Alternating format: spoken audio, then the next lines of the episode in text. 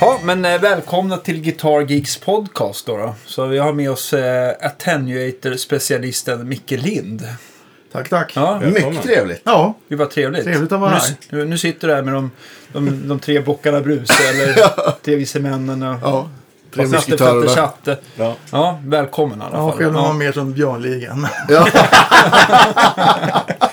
ja, det är inte så illa det heller. Hur, hur eh, eh, du, jag känner igen dig, jag kände inte dig då, men då, du är ju liksom gammal i branschen. Eh, började på estrad där jag lärde känna igen dig på, kan det vara 90-talet du jobbade? Jag kan säga, första butiken som jag jobbade i, det var gamla Music Market på. Det som Ja. blev Musikverket. Det sen. som blev Musikverket. Jag Okej. jobbade på Musikverket också. Ja. Men, men Var var här, den för? för det här var ju inte vet? 1986. Aha, Hellstens okej. lokaler. Jag förstår. Ja. 1986 som var bland mina första jobb jag hade i mitt liv. Ja. Jobbade du samtidigt som Rot där då, eller? Var han Nej, Rot, eh, det var så jag kom in på Music, eh, music Market. Och eh, det var väl egentligen så att jag umgicks en del med vår kära Mr Malmsten. Ah, För han bodde ju borta vid Zinkensdamm så det var inte så långt ifrån en själv. Okej. Lundagatan? Nej. Jag kommer inte ens faktiskt, så jag tror att det kan ha varit Lundagård, men jag är Ja. lite osäker. Men då lärde jag känna Peter Roth med tanke på att jag Mr Malmsten var där och, och ställde till det. Och, hur, hur, lärde, hur lärde du ställa till det med Malmsten? nej, det var, alltså, vi, vi, vi, var, vi har aldrig varit nära vänner eller något sånt där. Utan det var helt enkelt en slump. Jag bodde i USA, jag gick ju på GIT. Ja, okej. Där mellan 81 och 82. Ja. Och sen flyttade jag hem och så såg jag en annons hos uh, Förstärkardoktorn. Musiker söke. Så då tyckte jag liksom, jag glömde, vad hette hans på...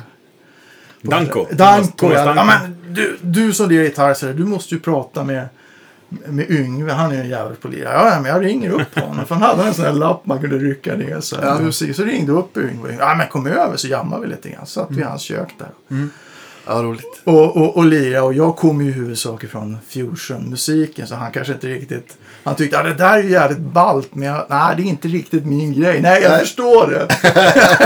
Men, men då, för, vilket år var det här? Var det här typ 83? Det här var, det var precis innan han eh, åkte till, eh, åkte till USA. Berätta, vad var, vad liksom, för han var ju ganska vass då va? Ja, ja, ja. Eh, Vad var, liksom, vad var den första liksom... Eh, första intrycket när han satte fart där? När du inte hade... Nej, jag blev ju väldigt impad för han, ha- genom att han hade lyckats. Och det tycker jag är synd ibland att han inte... Han är ju väldigt duktig på att emulera både Hendrix och Blackmore och Ully Roth. Och han Ja, kan spela väldigt, väldigt kontrollerat och snyggt med bra vibrato och bra ton. Och, eh, och sen så blir det lite Formel 1, lite för snabbt. Men det blev jag väldigt impad för då hade han ju spelat upp en massa solon han hade gjort, plockat från Ully Roth och, och sånt där. Och det var ju klockrent i mina det. öron då i alla fall. Ja, ja. Och så lirade han upp lite grejer som han hade gjort med Jens. Bröderna Johansson där i, Ja, just det, just det. i Malmö. Och det, det. var ju väldigt imponerande kommer jag ihåg då i alla fall att jag tyckte. Men jag var ju fortfarande mer inne på ja, fusion. Mm. Musiken så att jag kände att det där är inte, inte kanske nå, inte något hot mot mig. Om jag uttrycker mig på det sättet. Vad skönt. Ja, ja, precis. Jag kände att den här, den här killen han är lite för bra. Men, men vilka, blev, vilka var liksom dina stora eh, influenser? Okay, det, det, det är ju, jag skulle säga Aldo Miola och Alan Holdsworth. De är ju helt skilda ifrån varandra men det var de jag lyssnade. Som jag liksom gjorde att jag fastnade i gitarren. Så liksom, det här, det här vill jag. Allan Hallward, han, han var väl och undervisade på Git ibland va? Han, han undervisade gjorde han inte. Men, han, men, men han hade clean. Han, det är en av de konserter jag kommer ihåg bäst därifrån. Det var han och Van Halen. Ja. Ja, du var på den? Ja, det, Shit, det, det var rätt coolt. Ja. Tyvärr så var det väl lite grann så att, att uh, Holsford var ju Van Halens stora idol. Men, Ja. Och jag tycker Van Halen är en fantastisk gitarrist. Han har ju ett sväng i sin kompgitarr som inte finns. Och sen så har han, han, är ju, han, har ju, han har ju rätt dos av humor i det Ja, han gör också. ja, det känns ja, så här ja. lekfullt. Och, Ja, precis. Men han kanske inte riktigt passar in när det blir för konstig fusion. Nej. Och du byter harmoni? Ja, det byter för mycket ackord och, och, och sådana där saker som Holsert han, han, han ramlar ju bara in i Det fi- grejer. finns Och- faktiskt en, nu måste ni lyssna på, Mm. en, en eh, podcast som heter No Guitar is Safe med, med en snubbe som heter Jude Gold. Som han har både jobbat som chef tror jag på MI och skrivit för Guitar Player i 20 år. Ja, just det. Och han, und- han intervjuade nå- någon snubbe, nu kommer jag inte ihåg vad han heter. Men som också var elev där då, det kanske till och med någon som du känner. Som hade spelat in det här på kassett. Så att om man lyssnar på det här, No Guitar is Safe, jag kan ta fram Ja, det är en riktigt bra podd faktiskt. Ja, då, då spelar han upp från det här jammet. Och man hör liksom så här att, ja men de spelar någon så här, de ligger på någon typ av så här E-sus och då går det jättebra. Så sen tror jag att de, sen byter det till, ja men det byter tonalitet till kanske Asmaj eller någonting. Och då hör man att, att Eddie bara säger Då vet- då hör han inte vad som händer. Nej, men alltså det är ju... Man ska väl inte klaga för mycket på de bitarna, men, men, men uh, Hulsworth för mig är en egen, var en egen liga när det gäller harmoni framför allt. Men, men eh, och jag som inte är så bevandrad i, i den genren, Alde Miola. Var han också en sån som eh, var på och visade? Nej, han var, han var aldrig där. För att det är den bilden man har fått av honom, att han är lite svår på så sätt. Att han kanske, Ja, för jag har- Alan Holsworth var ju väldigt givmild och Ja, ja. Nej, jag, jag har ju aldrig träffat Ademiola eller något sånt där. Så Nej. det var inte någon... Nej, men jag tänkte mer hur generös man är med att bjuda på... Ja. på så, det, det har man inte sett så mycket av honom. Inte jag i alla fall. Men jag tänkte också eller Alan Holsworth, eh, hans eh, harmoni och hans sätt att liksom, eh, just med teori och sånt där. Jag tänkte, gjorde inte han mer skada än nytta när han kom dit liksom? Alltså att det var så jävla krångligt och han hade sina egna symboler så det var ingen han- som fattade liksom. Dave, förlåt, jag kollar här. Dave Hill. Kommer du ihåg någon som jag, heter jag, Dave tycker, jag Hill? tycker jag känner igen namnet, men eh, jag kan inte riktigt... Ja, jag kan skicka det avsnittet. Ja, ja, ja, jag kan det, inte det är väldigt kul i alla fall. Nej, han, han har ju, han har ju alltså, alltså det man kallar för voicings är Ja. ju, är han ju helt unik med hur han gör saker och ting. Ja. Och, och, och, eh, och fraseringen och allting. Men han kommer, han vill ju egentligen låta som John Coltrane. Eh, Och mer åt det hållet när han Ja, spelar. just det, och, och, eh, så därför utvecklar han ju den här legato tekniken så att Mm. säga för att man ska få det där flytet mer som en saxofonspelare. Mm. Medan Almiola är precis tvärtom. Och det är kanske är därför jag Ja, gillar visst. båda. För att de har ingenting med varandra att göra okej, överhuvudtaget. Så att säga.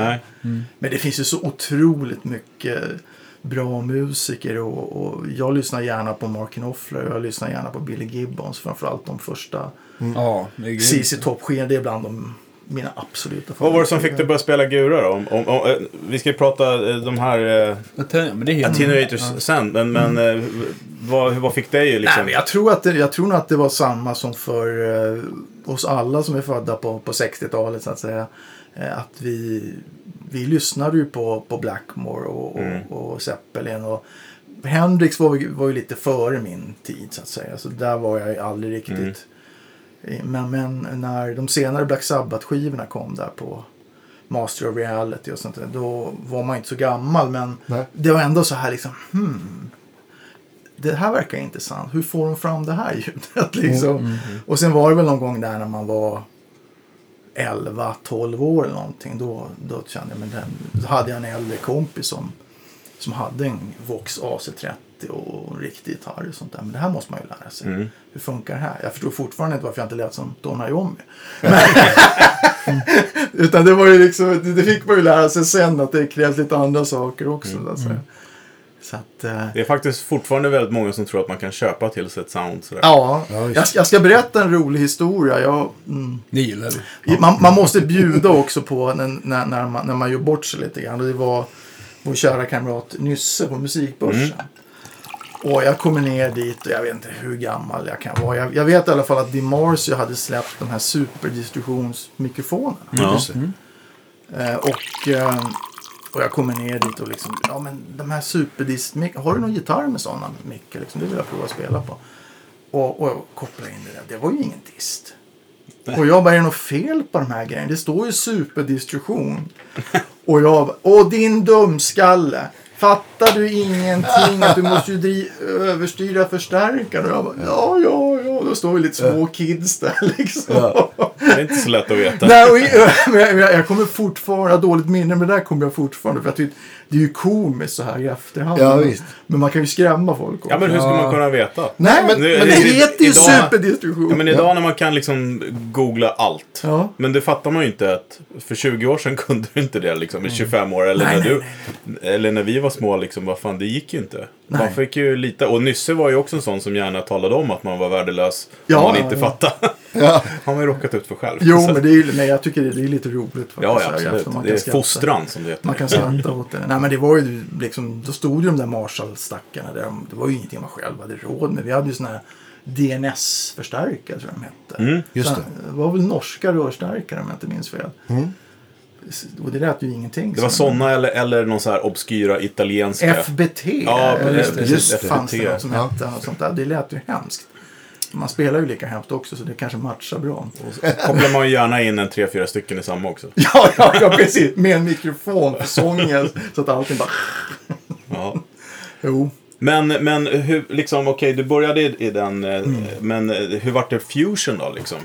Nej, det var, då, då hade jag en, en musiklärare i högstadiet som, som spelade upp en massa grejer. Västkustrock och, och, och alla möjliga.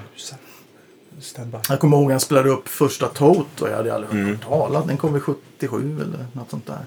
Ja. Och, och, och jag bara liksom, wow, vad är det här? Steve Luket, så kan man lira sådär. Och, och så spelade han upp, jag kommer ihåg att det var, jag tror att den heter Casino med Aldi Miola. Och bara, ja, vad gisses, vilka musiker. Och sen kom jag även in på Mahavishnu Orchestra och John McLaughlin via den, alltså bakvägen. så att Okej, säga. Och, och hitta, hitta till Return to Forever och de här, de här tidigare banden i den Just det. genren. Och Tony Williams Lifetime. Och, Som också hade Holsworth på gitarr. Som är fantastiska skivor. Så att, eh, och, och då blev man väl lite, men jag har ändå alltid varit inom hårdrocken också så att säga. Så har det funnits en liten, en liten vurm. Och eh, eftersom vi heter Guitar Geeks, Mm. vad, vad spelade du på på den? Liksom, när du upptäckte de där skivorna, bytte, var det så att du bytte instrument då liksom, och att det blev något mera fusion-orienterat mot vad du hade innan? Ja, jag vet, jag vet, det blev ju mycket där när jag började musikgymnasiet. Då, eh, då var det ju mycket, då hade man ju hört, eh, vad heter den, Room 335 med Larry Ja, just Carlton. det. Och den blev ju de flesta gitarrister väldigt impade. Och så var det eh, Lee Rittenor, Just det. eh, Fly, jag kommer inte ihåg vad den hette den där skivan. Men det var, blev man, då, då var det ju 335 Ja. som, som gällde där under, under de två åren. Och då skaffade du en sån? Och då skaffade jag en sån. Och då kommer jag ihåg att då hade Hagström hade specialdeal. På, för de hade ju importen på, Mm. på Gibson. Det här måste ju ha varit... Uh, när kan det här ha varit? 1980. Eller något sånt där. Mm. Men var det mycket Gibson i butiker då? Liksom? Ah, men det var ju Hagström som hade dem där. Ja. Och jag kommer ihåg man kunde köpa en Les Paul för 4 000 kronor. Mm. Ny, om jag inte minns fel. Vad tider det. Ja, och, och, eh, och då köpte jag en, en 3-5, en röd. Men då var inte veckopengen lika hög för dig? Nej, precis. Nej, nej, det var väl en, en annan valutakurs på den tiden Mm. också. Så, Nolla bort. så att det var väl de bitarna. Men sen, har jag, sen var jag ju en Les Paul kille under många, många Mm. år. För det tänker jag så här 70-tals... Uh, Aldemiola, det, det, jag ser framför mig hans liksom, Les Paul. Ah, jag hade ju en svart Les Paul självklart. Ja, Det, det, det var man tvungen. Och så hade jag två Plexi Marshalls i, i stereo. Och du har inte kvar de här grejerna? Ja. Förstår jag. Nej, jag sålde all, alla när jag, när jag egentligen la ner 1990 eller något sånt Ja. där. Då, jag kommer ihåg Les Paul, Marshall-topparna gick för 3 500 Och eh, mina Les Pauls gick mellan 4 och 6 000 Mm. kronor. herregud. Som är värda hur mycket som helst. Ja.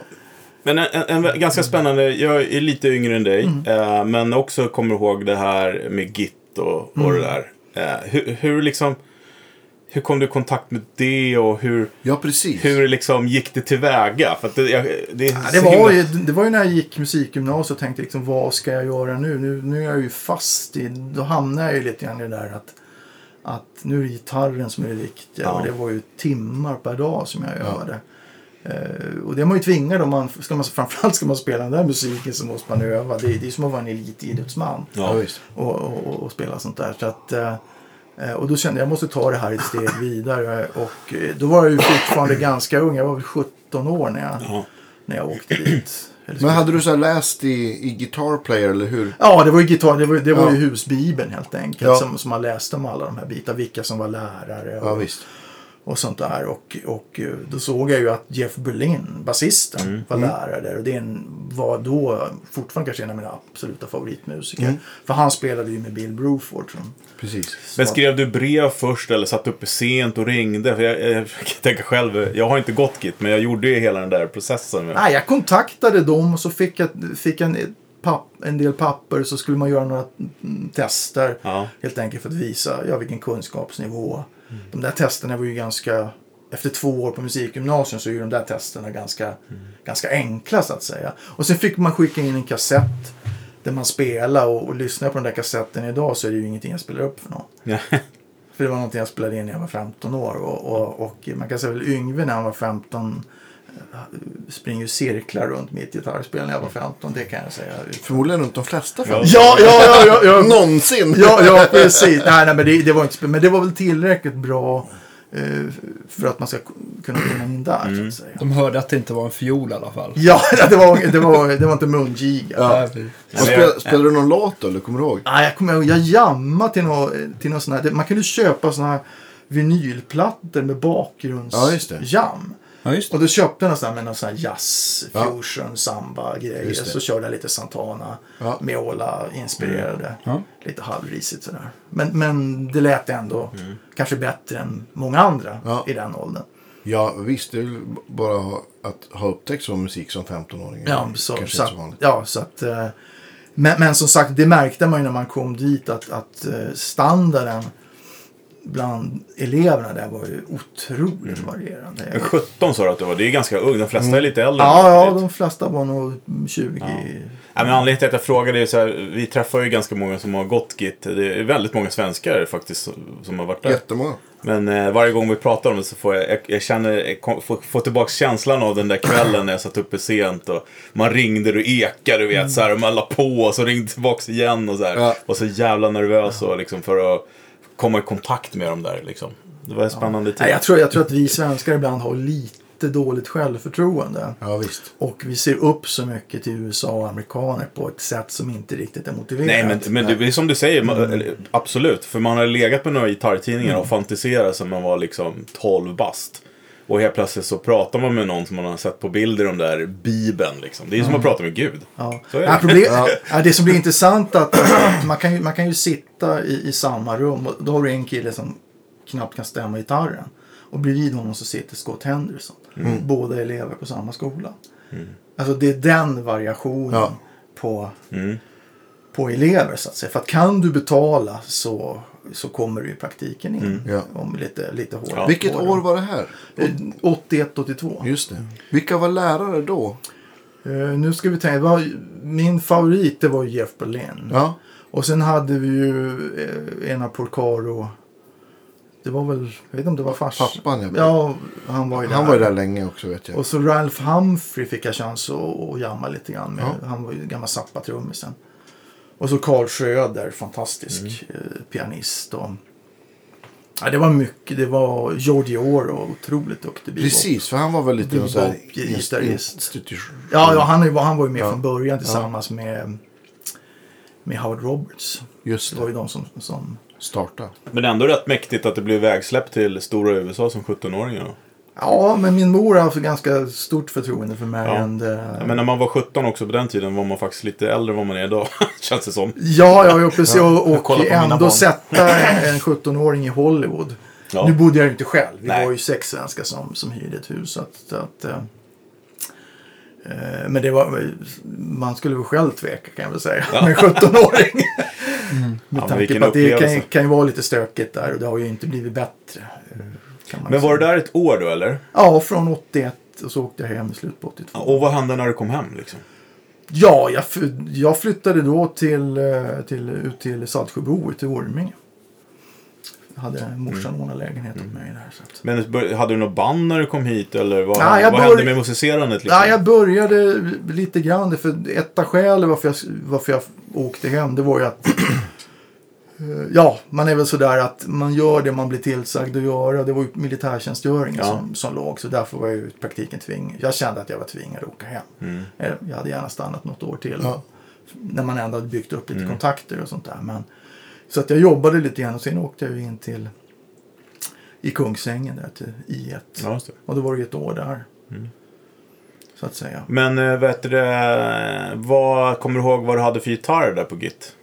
Och jag hade massor. Ja. Alldeles för Shoot, många. kommer du ihåg dem? Ja, jag, jag köpte Carvin. Är ju Ja, just det. California. Absolut, det var ju också Guitar Player-märket. Ja, och man- där kunde man ju beställa direkt av dem. Ja. Så att säga, direkt från Factory di- Direct. Och eh, så jag köpte en av deras toppmodeller där. Som jag, jag tyckte den, den såg frän ut. Mm. och sen hade jag med mig en Hagström Swede. Okej. Coolt. Hade jag med mig från Ja. Sverige. Jag fattade inte att jag orkade liksom. Jag tror jag hade med mig tre gitarrer när jag åkte dit. Är Vem, bär, vem bär med sig såna där grejer? Ja. Dumskalle. Trygghet Det är kanske. ju bättre Ja, att köpa grejerna där. Och sen, Ja. köpt, sen fick jag performance gitarr. Ja, det Låg på där, där i Hollywood. Så de specialbyggde. Och det var väl lite så här superstratta. Ja, det var ju Ja. Steve Vai hade ju det, man dreglade över men, det där. men det var väl ändå i samma skola som typ eh, alltså, Tom Anderson Ja, och, ja, ja, eh, ja, och precis. eh, Charvel och allting. Ja, där. precis. Så de specialbyggde en med extremt platt hals. Och vid. Så att den var ju Ja. som en klassisk gitarr. Just det. Hela halsen. För jag, för jag kände att det var lättare för mig att komma åt de här Holsport-bitarna om jag hade en större. Men så, så kommer jag ihåg att de, alla hans signaturer jag har testat, att de bara är lite Ja, ja, det är lite grann något. Det man glömmer bort är att han har gigantiska händer. Jag har ganska små Ja, precis. För jag provade hans, han, signatur Carvin har jag haft inne två av olika och de har ju varit ganska biffiga tyckte jag. Sådär. Halsarna. Ja. Så att, men jag har alltid gillat när de är lite, lite plattare så att säga. Även om det kanske är bättre för ackordspel och sådär. Då är det ju bättre som en strata eller en Ja. tele. Det, det funkar nog bättre med de bitarna. Men för solospel och sånt där så är det... Men gick Scott Henderson på skolan? Ja, vi gick samtidigt. Ja, vad roligt. Och Frank Ambal. Vilka klasskompisar. ja, precis. Så, så att... Eh, så man var ju lite skärrad av dem. Hur, spela, hur gammal var Scott då? Jag kan inte. 20? Jag ja, I 20-årsåldern Ja. någonting. Han var ju ett antal år äldre. Jag kommer ihåg, han gick alltid omkring med sin lilla hund där i, Jaha. i, i, i korridoren. Och så, så, men jag hörde ju direkt när han lirade. Oj, och han hörde väl någonting i mitt spel. Så han ville ju bara, fan Mike, kom och jamma lite Ja. grann här. För han hörde liksom. Det var ju kanske inte så många som kom med Holsworth. Nej, men kunde lira lite grann åt ja, de grejerna. jättestor Holsworth. Ja, ja liksom. precis. Så att, men, men jag, jag kände liksom att jag har, även om jag liksom kanske har en del av tekniken så har jag inte det musikaliska kunnandet som, Ja. som framförallt Scott hade. Som, han kunde ju spela varenda låt i Real Book typ. Ja. Utan problem. Och själv liksom satt jag där liksom, jaha vänta nu vad är det för F-ackord? Ja. och eh, man kände ju sig som en amatör. I, i jämförelse med, med sådana killar. Frank Ambal är en fantastiskt trevlig kille. Han, ha- hade han utvecklat sin den här Nej, sweep-grejen det hade då? han inte riktigt gjort då. Och då, utan den där sweep-grejen, då var han en bra gitarrist. ja, just det. Utan, utan det var ju när sweep-grejen kom senare. Det var ju då han blev en fantastisk Mm. gitarrist och hittade liksom sitt eget sound. Ja, men det blev, det blev så otroligt ekonomisk plektrumhand på något sätt. Ja, ja, och då hittar du, då får du ju också en egen sätt att frasera. Ja. Som, som du, du hör ju direkt att det är han som lirar. Det tar Visst. inte allt för lång tid. Och det tycker jag det gäller nästan alla ens favoritmusiker. Så tar det inte många toner innan man Nej, verkligen. Innan man har, det är bara att ta Carlos Santana liksom. Så kan man ju diskutera hur skicklig han är. Men Nej, det är ju- jag, Ja, jag, jag jag att det är han i alla fall. Ja, 1,2 sekunder så vet man att Ja, det är inget och, snack. och, Liksom. eh, fantastisk musik och jag älskar de där låtarna och allting så att säga. Men, men du hör direkt att det är han som spelar. Och det, det tycker jag väl kanske är, det har man väl kanske lärt sig när man har blivit äldre, när, man, när det inte är en tävling längre. Mus, musik är inte en tävling Nej, på det längre så att säga. Och då kan man vara lite mer avslappnad när det gäller och verkligen lyssna vad folk spelar. Och, för, och kanske börja lyssna på vad de andra musikerna spelar. Inte Ja, bara koncentrera sig på vad man själv gör. Vilket är lätt hänt när man är I den åldern. Ja, ja, precis. Då är man koncentrerad så man ser på sitt eget instrument och så tänker man inte så mycket på vad, vad de andra gör. Idag är det ju precis tvärtom. Idag orkar man ju knappt lyfta instrumenten. Då är man ju mer koncentrerad på vad andra gör. Och, nu sätter vi de här grejerna och nu gör vi de här på det här Ja. viset. Så att, Mm. Det tycker jag det är egentligen roligare. Det är musiken som, som är det viktigaste.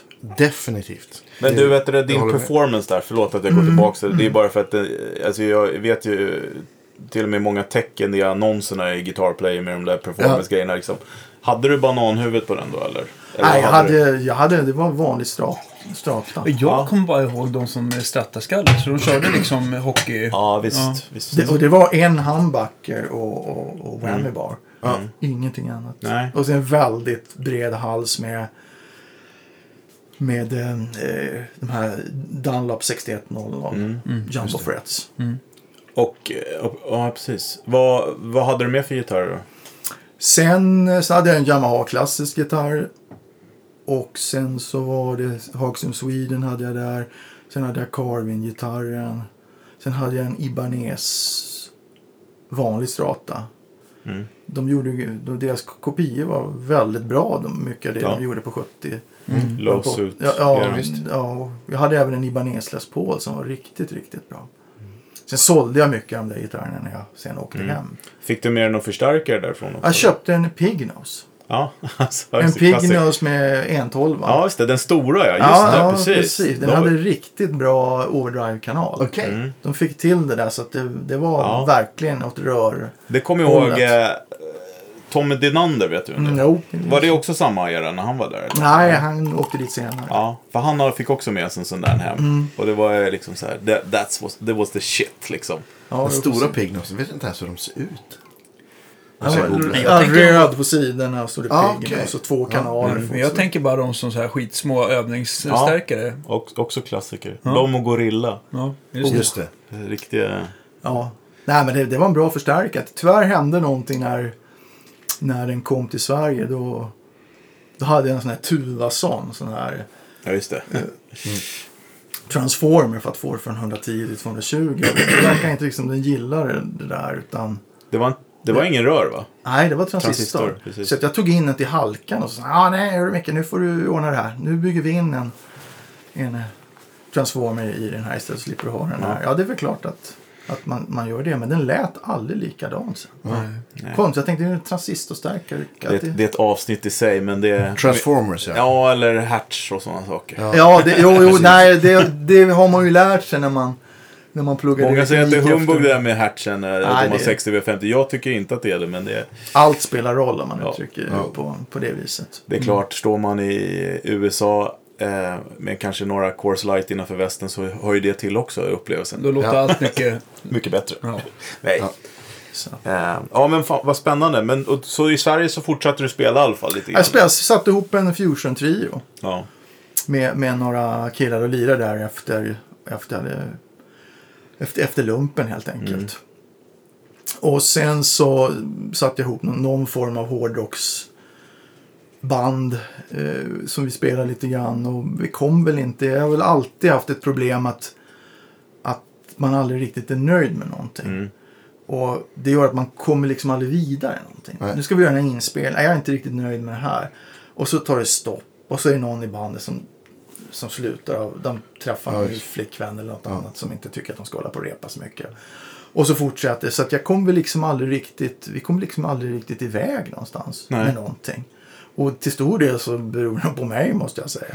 För att jag aldrig riktigt var, var nöjd med hur det lät Nej. och, och kvaliteten på, på låtar och, och allt sånt där. Så det är bra att man, att man är kritisk. Alltså Det gör ju att man pushar sig själv och tar sig vidare. Men det kan också göra att det blir stopp Ja, men det, alltihopa. det kan vara väldigt hämmande också att man inte... Du blir aldrig klar med Nej, precis. Då är det nästan bättre att bara tänka att ja, men det här är ett tidsdokument över hur jag lät då. Ja. Nu skriver jag nya låtar och så Ja, och så försöker vi göra det liksom, ja. bättre. Men då när du började spela, Mm. hade du en period där man, du bara liksom öste liksom? Eh, Eller vart det att du vill lära dig direkt? Kan det varit det liksom att du så tidig ålder kom ju vara på git och det här? Och... Nej, jag spelade nog sånt där, men jag var väldigt sådär försiktig och, och kanske inte alls lika outspoken som jag är idag, så att säga. Utan mycket mer nedtonad som, som människa. Och, och sådär. Och det kan ju vara, det är ju bra det också. Men jag lärde mig väl kanske en del lite grann den lilla tiden som jag umgicks med, med Malmsten där. Att, att ibland så måste man More is more. Ibland, så måste man gapa, ibland måste man gapa till lite grann. Ja. För att det blir väldigt svårt att få någonting gjort där och, och ingen tar en på allvar. Om Nej. du alltid är försiktig och beskedlig och aldrig säger din mening och är rä- rädd för att eh, stöta dig med folk. Det, det går liksom inte. Har du något så här riktigt roligt eh, minne av Malmsten? Allt, eller hyss eller att ni gick i musikaffärer eller någonting sådär som hände? Det var, Som inte är preskriberat. ja, jag, kan, jag får se. Han kanske blir arg om jag... Med tanke på att vi ju egentligen inte... Vi, vi kan inte kalla oss goda vänner. Vi Nej. umgicks ett litet tag. Sen brukar han ju ofta komma och besöka oss på Estrad. Ja, just det, just det. vid juletid. Och då Ja, gick just vi över på Kellys och käkade och drack lite öl. Och, eh, och sånt där. Och, eh, men, men det jag kommer ihåg innan han åkte till USA. Det var att vi sk- jag sa nu, nu måste vi gå ut och käka på, på restaurang. Så vi får ordentlig mat i oss. Och då var det lite poppis med såna här salladsbarer. Och då fanns det en på vid, vid Medborgarplatsen någonstans. Ja, nu går vi går dit och käkar nu så att säga. Och, och, och, och, nu, och nu finns det liksom entreprenör, det finns allt. Är bara plocka och det är jättebilligt och sånt där. Och då säger Yngve, har de köttbullar? Ja men det äter ju du hemma varje dag. Ät nu någonting annat istället. Ja.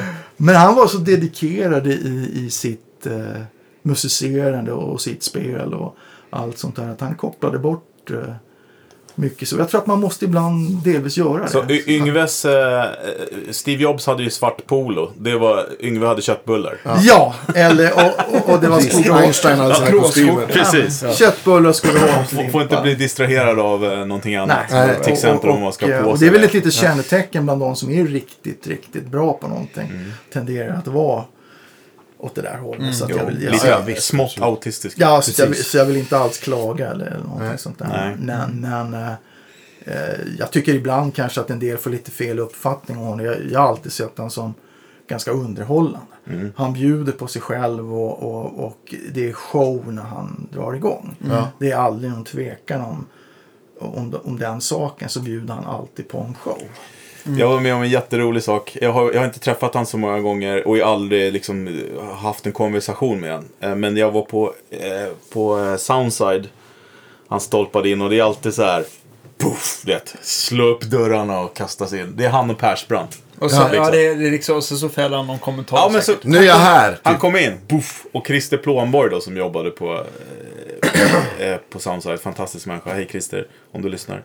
Eh, han, han stod bakom kassan så, kom, så hängde det två stycken strator. Alltså exakt likadana, en röd, en blå. Han, ingen, han bara, jag vill ha den röda fast med den blåa kroppen. Och så vände han och Alltså gick. den halsen. Ja. Han nud- nuddade dem inte ens. Nej. Han bara sa, jag, alltså det var två med lönhalsar båda Ja. två. Jag vill ha den röda fast med den blåa kroppen. Så, så jag kommer tillbaka om en stund.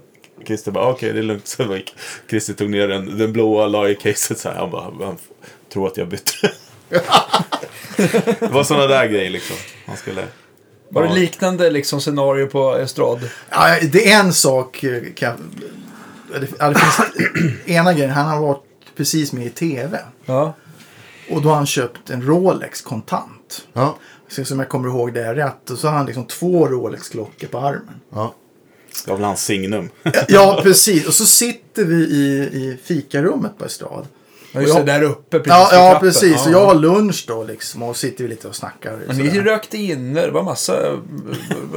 En härlig tid? Ja, ja, men det var, det var lite ungdomsgård där så Ja. att säga. Och sen, ja men Yngve, jag ska, jag ska över på McDonalds, ska du ha någonting? Så, så handlade jag liksom. Så gjorde jag det. Liksom. Så, så satt jag och så började käka. Då hade jag på mig en, en Rolex-kopia. Som jag hade köpt av Roger Pincott. Ja, just det. Ja. Som jobbade på Soundside Ja. tidigare. Och Yngve, nej nu är det dags att bli rockstjärna här, så du har råd att köpa en riktig klocka. jag är inte säker på att han kommer ihåg att han sa det, men jag tyckte det var så... eh, I normalfall så kanske man ska bli förnärmad när någon Ja. sågar en sådär, men jag tyckte det var så jäkla bra sagt, för det var Ja. ju sant. Ja. Det var ju helt sant. Ja, visst. Det är svårt att bli arg då när man... Ja, när man, Det, när man eh, vi ska se om, eh, om jag kommer ihåg det så ska jag gräva fram ett klipp. Eh, där det är eller Det ska finnas på YouTube för jag tror det är där jag sett det. När Yngve köper en, eh, en strata i England inne i en affär. Han sitter och spelar på den och butiksbeträdena butiksbiträdena står runt och tittar och han bara how much här? Och så, så får han priset och så prutar han som fan då. De bara, nej nej, han bara tar fram kortet, sitter han och slår på gitarren med kortet så här. De, han bara, "Äh, 20 000 där, jag kommer inte ihåg. De bara, nej, så här, det är för lite. Han bara, kom igen då. Liksom, så här. Och så, de bara, okej då, du får den. Så, så köper han den.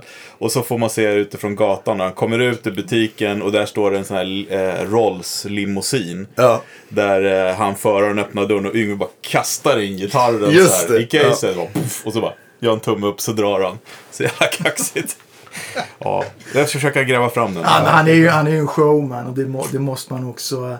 Eh, jag kan säga så här om de som har haft chansen att sitta ner öga mot öga och prata musik med honom så är det en annan människa som, som, Ja, men precis. som, som Det. du pratar. För Ja, han, men- är, han är kunnig och han... Vi har båda hade båda samma intressen av Bach, Vivaldi och Beethoven och Mozart. Och, Ja, men man blir inte så där bra om man inte är sjukt dedikerad och en jävla musiknörd rent ut sagt. ja det, det måste det, är ju, man. finns, det är ju Men- inget... Men det kanske är så fortfarande, men är det inte så med Yngve att han var, en, han var på ett sätt när det var, när det var flera och var man liksom ensam med honom så blev han liksom som en helt, då var inte den här show eller Nej, artisten. precis. Nej, var- precis. Och det är, det är han inte ensam att vara Nej. på. Nej, nej, på, verkligen på, på det viset. Så att säga. Men det var väldigt, väldigt tydligt. Och jag är inte intresserad av allt halabaloo runt omkring. Jag är intresserad av att diskutera musik. Ja, men visst. Eh, och det var det som jag tyckte var... Git- Prata gitarrer, Marshalls och, och musik. Det var det Ja, som, var, som, som drev mig, inte massa annat runt omkring. Ja. Men den här eran då som vi pratar om, Mm. för då, det, då är vi liksom efter lumpen och du har börjat spela med det här. Och, och då börjar du jobba musikaffär också samma Ja, veva, eller var det senare? Jag, jag tror att... Jag ska tänka här nu. Lumpen... Det var mitten på 84 som Mm. jag muckade. Och jag tror att jag... Jag hade ju tidigare redan under musikgymnasiet så hade jag jobbat som gitarrlärare på, på sådana här ABF. Och, just det. och, Var gick du i musikgymnasiet någonstans? eh, Anderstorp, Skellefteå. Ja! Mm, där gick jag musikgymnasiet. Är du västerbottning? Nej, Nej? jag kom inte in här. i- eh, Det var 5,0 i betyg här. Ja. Var ja, men var det bara södra också eller? ja, Ja. Och eh, det var lite lägre intagningspoäng i Anderstorp. Så då... Och 5,0 för er som kör med MVG och sånt nu. Men alla, Ja. alla i vår... Alla är Ja, som lyssnar ja, på den ja, här ja, ja, precis. Jag hade ju... An- jag är ju västerbottning och jag Ja. tänker så här, Anderstorp tidigt 80-tal. Vad, vad du ska ha haft för klasskompisar då? Kan Jonas Knutsson ha gått? Nej, han kanske började Akis redan tidigt 80. Jag är, ju li, jag är lite dålig eh, på... Ja, otroligt. Jag skäms ibland när jag stöter på gamla skolkamrater. Jag kommer inte ens ihåg vad de heter. Men jag kommer ihåg, det var en kille som gick i klassen efter mig. Nu ska jag se om jag kommer ihåg vad han hette. Som, som, som, jag tror han jobbar på EBS. Okej. Ja, men Molle. Molle, så hette Precis, han. Molle, Molle är ju från Vindeln. alltså Molin hette han? Molle Molin, Ja, precis. ja, jag, hade, ja. jag hade Molles pappa som, eh, som lärare på Ja, just det. i- högstadiet. Ja. Världen är liten. Nej, för jag kommer ihåg, han började titta. Hur, hur lirar du där? Ja. kommer jag ihåg att han brukar, brukar fråga. Men han gick klassen, klassen efter där. Så att...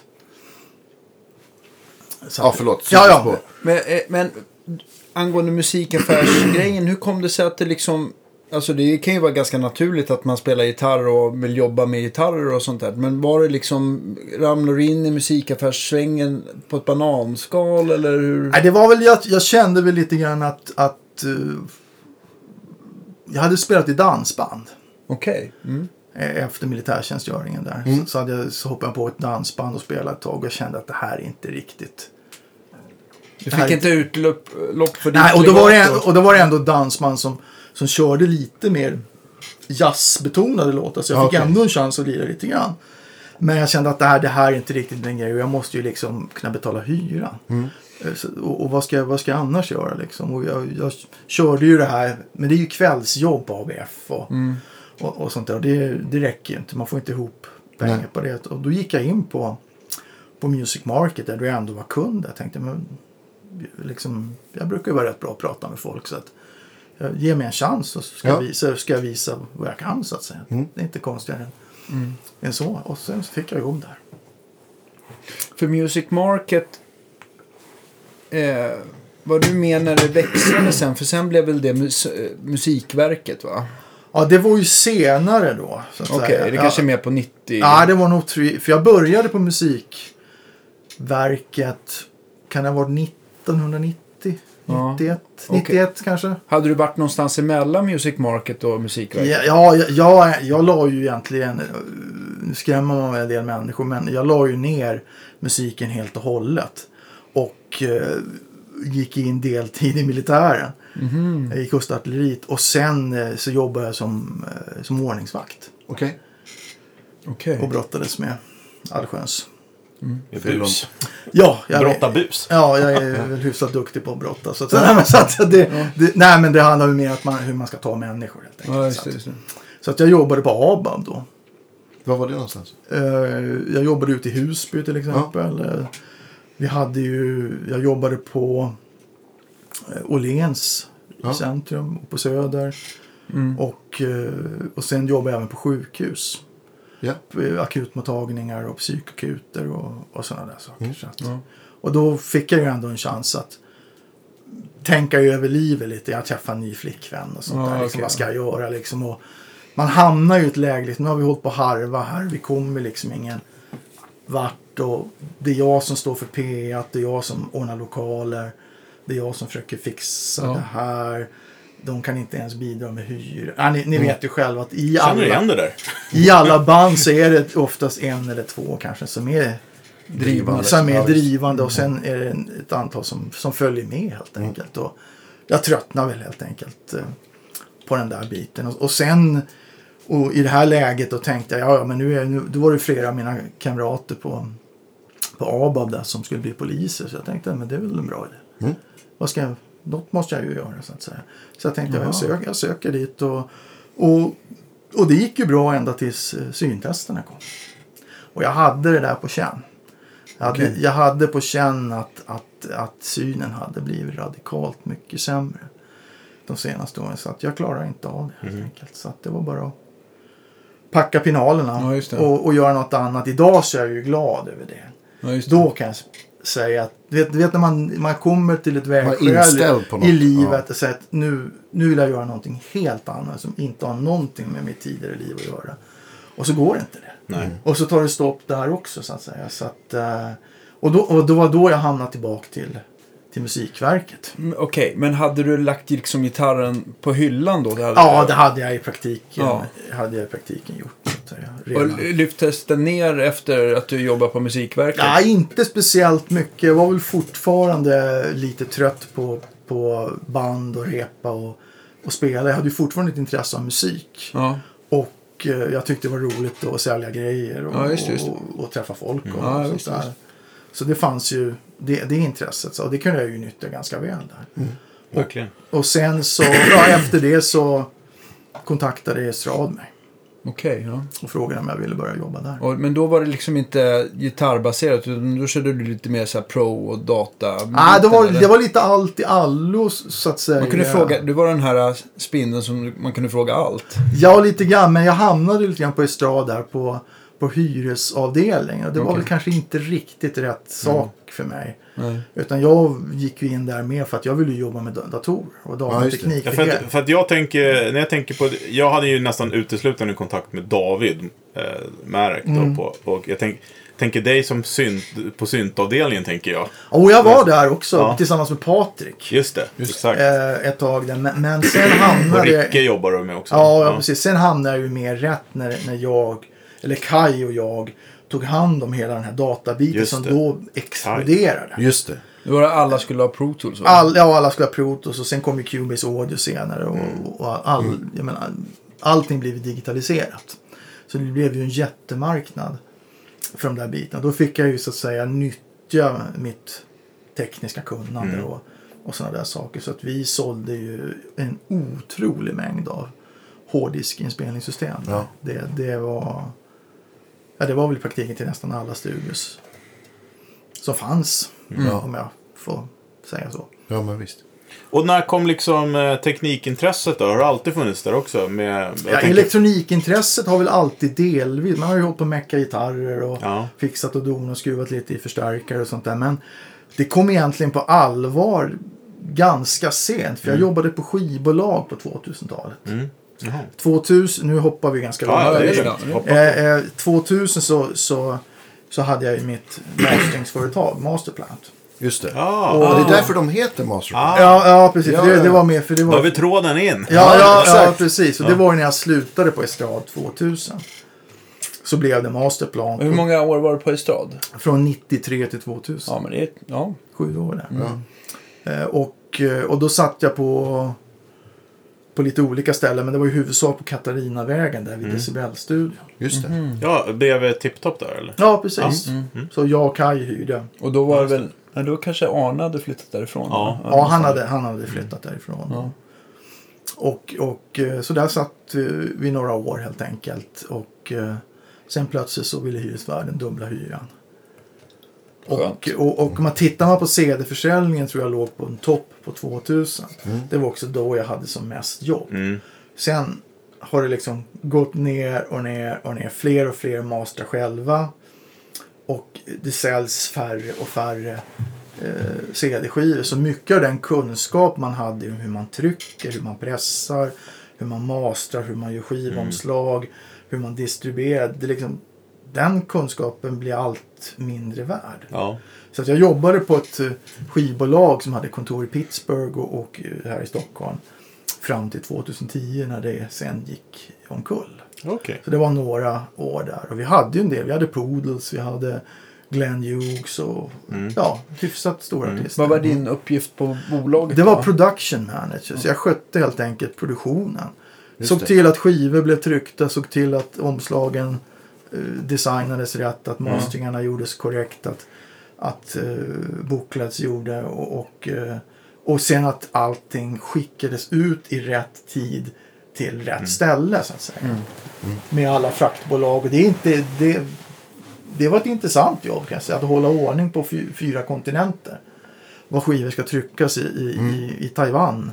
Och sen ska skickas iväg någon annanstans med, med, med rätt speditör och, och sånt där. Så att, eh, det, samma sak där. Fick man nyttja att man har ett litet matematiskt sinne och för att hålla ordning på.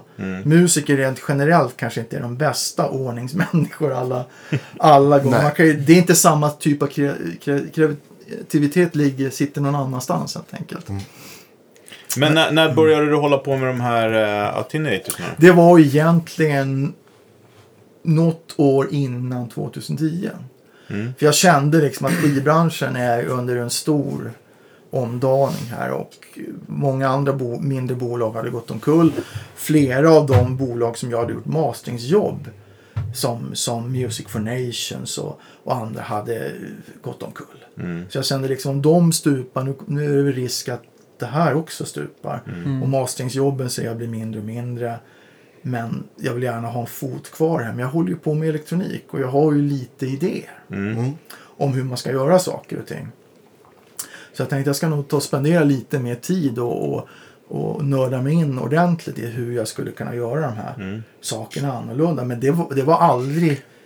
Från början så var det här aldrig tänkt som en kommersiell verksamhet. Nej. Men hade, hade du tidigare då använt typ eh, Marshall Breaker eller vad den heter? Ja, och här, det, och- den, och den, var första, jag, det den det första jag hade det var ju Tom Schultz. Ja, just det. Just det. Kommer Just jag inte- eh, Den kom ju... Den kom väl igång på... Vad hette den modellen? Vad hette, hette den inte? Power?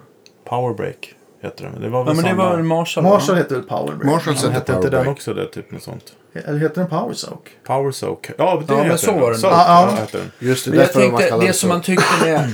Alltså, nu kan jag inte minnas att jag provat Power Soak, så jag vet att den kan möjligtvis bättre. Men jag, den här Powerbreak och Marshall, då var det liksom att solen gick i moln lite grann när man eh, kopplade in den. Att den liksom... cola med papper på.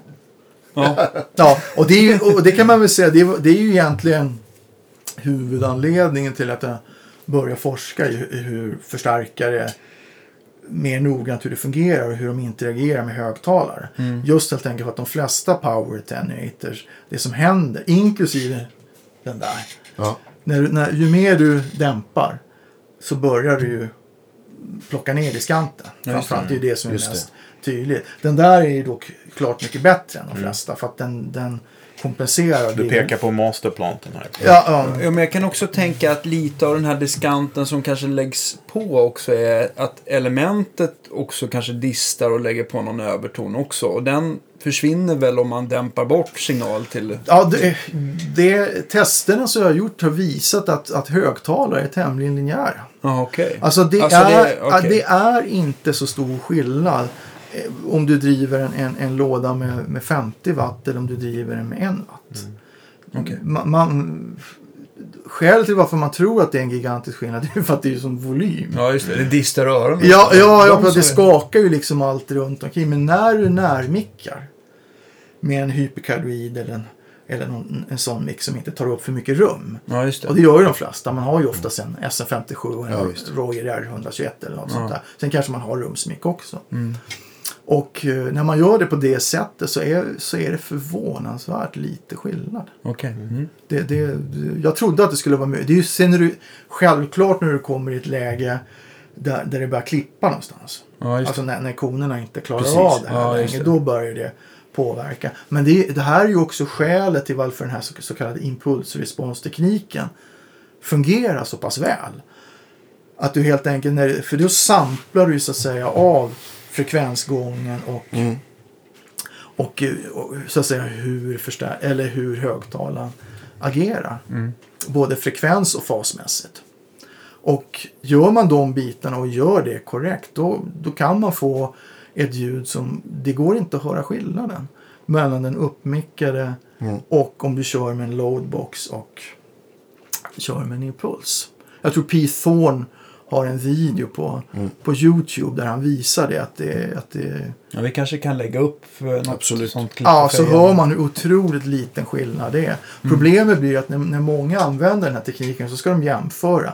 Då mickar de upp sin högtalare och så tar de en impulsrespons som någon annan har gjort Ja, av någon exakt. annan mikrofon och högtalare. Det, det kan ju aldrig låta lika. Ja, men för, framförallt bara, bara mickplaceringen. Det är ju, Ja, ja. pratar jag om millimeter så blir det Ja, liksom... ja, alla som har jobbat som, annorlunda. som studietekniker vet ju eh, hur man sitter där och petar och, Ja, ja, och försöker få till det. Och, och sen är mickarna i fas och så får man hålla på och flytta runt. Och det är ju, Mm. Så att hela impulsresponstekniken gör ju att det här blir tillgängligt där man inte behöver ha jobbat i studio tio år för att förstå hur man ska micka upp en, Mm. en gitarrförstärkare och ändå kan få ett godtagbart.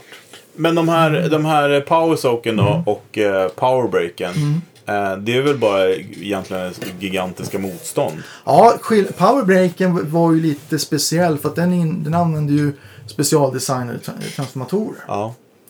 Eh, och var ju en reactive Mm.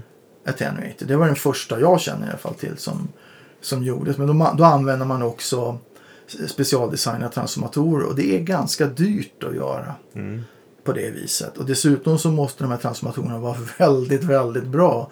För att det som händer det är ju att matar in, klarar inte transformatorn av det här så Mm. kommer de att saturera. Just det. Eh, och, och då får man någonting som låter klart mycket sämre. Men för det som är så häpnadsväckande är väl att eh, alla som har provat en sån tycker ju att den är ganska dålig.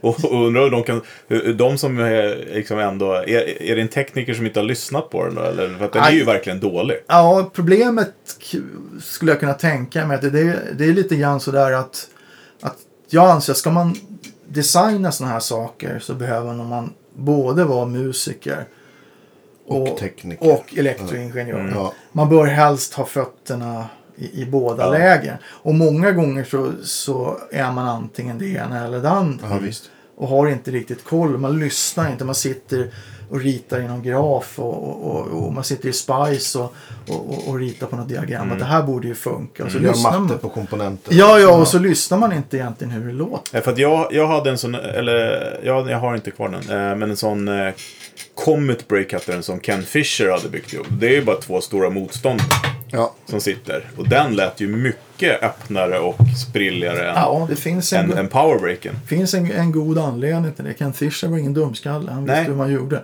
Det han gjorde helt enkelt. Alltså, den, den airbreaken som, som den kallas Ja, för. precis. Exakt. Den, den bygger ju på samma koncept som en sån här L-pad. Som man använder för att styra delningsfilter i en, i en hi-fi-högtalare. Intressant. det, det är exakt samma teknologi. Det är bara att han har vänt ordningen på, på motstånden.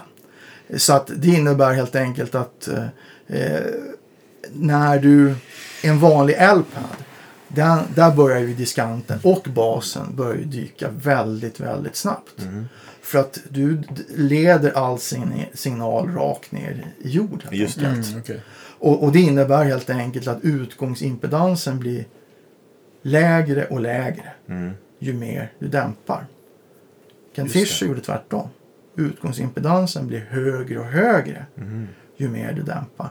högre utgångsimpedans innebär att, att eh, du stryper inte högtalaren.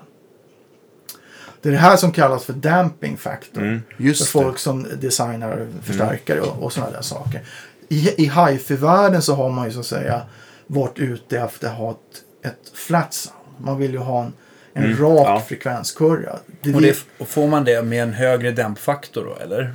ja, det blir mycket, mycket lättare att driva. Det innebär till exempel att en, en transistorförstärkare kan ha en utgångsimpedans på 0,1 ohm. Eller ännu lägre utgångsimpedans. Okej. Alltså en enormt hög dämpningsfaktor. Mm. Medan en rörstärkare, jag mätte på en starkare i 8 ohms läge så var utgångsimpedansen 20 ohm. Mm. Men det innebär också helt enkelt att när du kopplar upp den så dödar du inte basen till skanten. Mm. Och det är därför de flesta gitarrister inte gillar transistorförstärkare. För att du får inte det här baslyftet och du får inte det här diskantlyftet som du får med en, med en rörförstärkare. Mhm. Och samma teknik måste man tänka på när man bygger en attenuator. För det spelar ju ingen roll om du har en rörstärkare och en schysst högtalare och så har du en attenuator Mm. som dödar impedansen. Just det. För då kommer du få ett dött Så ljud. det är impedansen som är det känsliga. Yes. Så att du har både ingångsimpedansen. impedansen. Ja. Ja, det är mycket dans. Så att det är både ingångsimpedansen, det vill säga det som förstärkaren ser. Ja, Och sen har du utgångsimpedansen, det som högtalaren Mm, precis. ser. Och många har bara tänkt på ingångsimpedansen Just och inte förstått att man måste tänka på Ah. vad högtalaren säger. Yes, för Ja. det är det som avgör hur, hur mycket liv det finns. Sjukt Och den här breaken gör inte det riktigt då? Alltså den här eh, Marshall-breaken? Jag har aldrig mätt på den, men, men jag skulle kunna gissa att, det, att den gör någonting som inte är så bra. Nej. Men, men är det inte så med ett element, när, när, om vi säger bara vi, vi plockar upp en, en 8 ohms Celestion ur kartongen och sådär. Så är väl den impedansen mätt på en specifik frekvens? Ja, va? ja Så, 400 hertz. ja, och sen så skiljer det sig om du liksom går ner i frekvens då kanske den blir ännu lägre och sen så ännu högre. Så att det är liksom, det är inte liksom, åt, det är inte liksom linjärt 8 över hela Nej, frekvensen märkte jag som sist jag skulle mäta på den här Gretsch-förstärkaren som den har så här ovala element i. Just det. Och man-. Alltså, så, så, när jag skulle mäta den, fladdra som fan, så pratade jag med Ola Insulander. Så han prova blås på den när du mäter. Så han sa, det ändras ju. Motstånd bara jag blåste på högtalaren. Liksom, för att den så rör sig. pass ja. alltså. Ja, men jag kan ta till exempel när jag bygger mina, mina reaktiva attenuators då utgår jag från någon av mina Marshall-lådor. Mm. Och så gör jag en mätning av, av det man kallar för impedanskurva på dem. Och då har man ju helt enkelt att en eh, 16 ohms Marshall-låda den kan då vara vid 1 hertz så är min 13,6 ohm. Vid 400 hertz så är den 16 ohm. Men vid 120 hertz så är den 84 ohm. Just det. Är det det som brukar, kan- väl- det brukar väl bli en liten sån, Ja, det liksom en stegring i... Ja. Ja. Men är det, det, är det det som kallas reaktiv? Att den hänger på och släpper på mer? Och, Ja, Och det- medan då de här enkla äldre De- är fixed liksom? Ja, då, då, då, det visar, då är det alltså ett flatt Ja. Eh, motstånd som, som visar till exempel 8 eller 16 ohm över hela Men, frekvenskurvan. men det är Just också det. det. som jag... eh, Nu säger, har ju du precis förklarat varför Mm. Ken Fishers modell funkar. Men för den upplever jag inte... Att, att den är ju verkligen också fixed ju. Ja, men skälet till varför den låter så pass bra som den låter det är just att den inte dödar Ja, högtalarens det. reaktivitet. Ja. Det vill säga den har en, en högre dämpning, Ja. eller en lägre, Äh, lägre dämpning, dämpning, ja. lägre dämpningsfaktor. Och, Spännande. och därför fungerar den helt enkelt. Problemet med den designen det är att ingångsimpedansen varierar ganska Mm. kraftigt. Ja.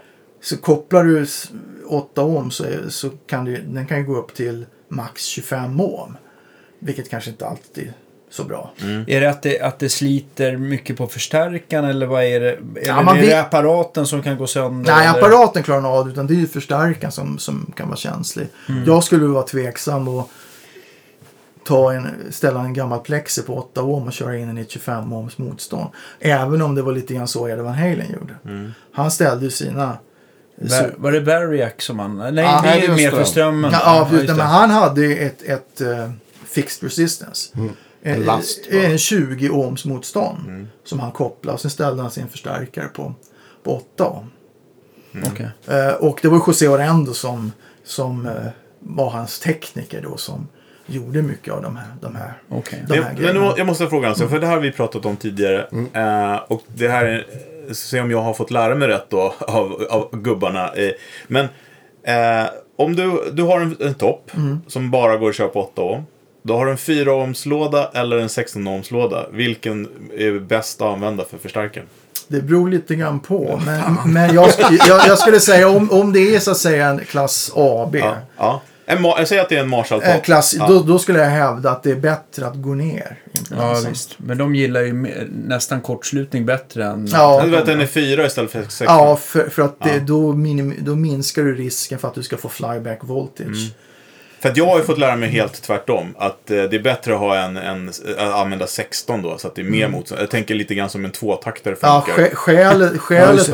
skälet till varför, för, varför den tesen finns, det är för att så fungerar det med transistorförstärkare. Ja, alla hifi och sånt. Ja, du kan okej. alltid köra högre. Och det är liksom tvärtom, helt Ja. enkelt. Ja. De kan du ju nästan, behöver du inte ha inkopplade i en förstärkare. Nej, för, för, inte för, att, eftersom jag då kommer från, jag kommer ju från motorvärlden. Mm.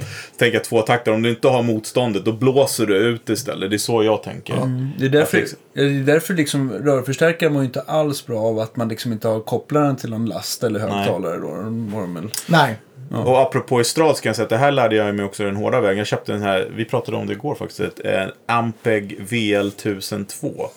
Den här med lysande logo Ja, och det. Ja, startnyckel. just det. Och jag köpte den av David och den gick ju sönder och gick sönder och gick Lee sönder. In Jackson. och ut hela tiden. Eh, och det visar ju sig att jag hade ju två 412 med mixade element i. Alltså Mm. ohmen var ju helt bananas. Och jag körde ju alltid 16 på den för högst var väl bäst. Mm. Det var ingen som hade lärt mig det. More is more va? More is more. Precis, så att den, eh, den pajade ju hela tiden. Ja. Säkringen bara gick ju liksom...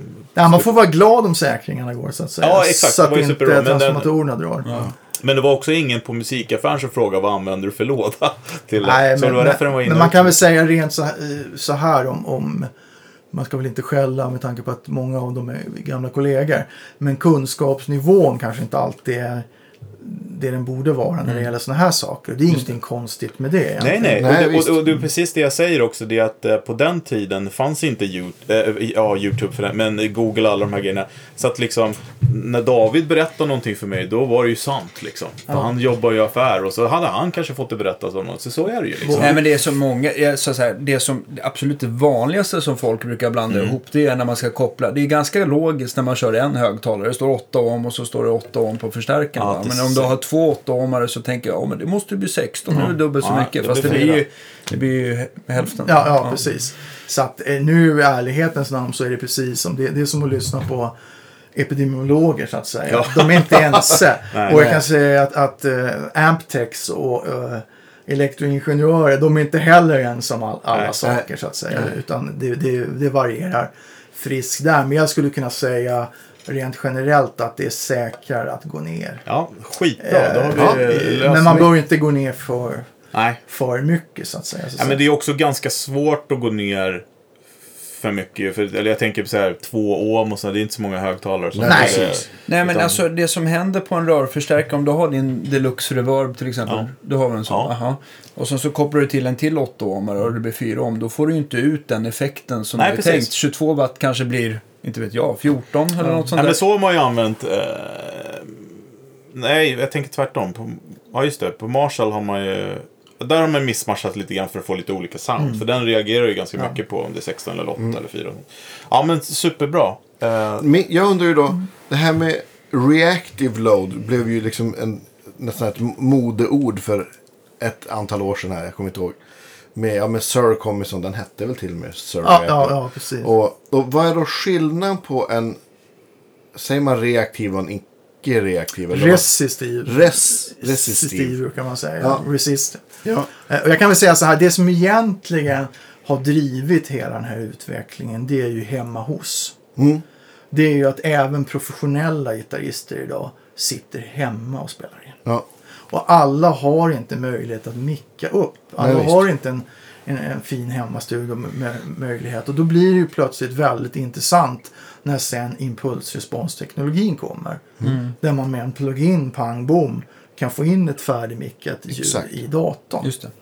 Och, och det man då insåg kanske att när man kör med en vanlig resistive load så att även om du har en korrekt impulsrespons så låter det inte rätt. rätt. Alltså förstärkaren låter inte rätt och det känns inte rätt när man Precis. spelar.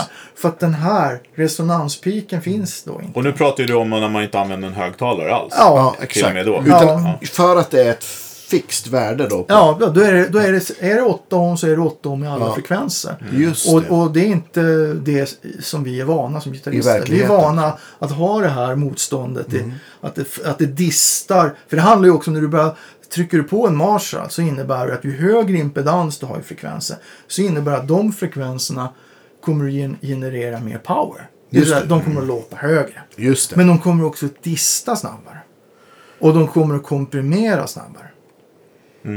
här är och- sjukt intressant. Och, och, och, är, man då, och, och liksom, är man då van att ha den responsen när man spelar. Jag, jag kan tänka mig, jag tar ett band som Meshuggah till exempel. Som har byggt en hel karriär på att ha det. Ja. Obb kallar Ja. Fredrik Torendal det där soundet. För Ja. Det obbar liksom. Går man in och tittar i frekvensen så, Mm. så är det ju jättespik där vid 120-130 hertz. Så det, det är väldigt spännande, för vi, vi snackade om det igår du och jag Andreas, Mm. det här med senaste avsnittet, nu beror det på när det här sänds då, men det är ett avsnitt av uh, That Pedal Show. Uh, så pratar de om hem, hemma home recording helt Mm. enkelt.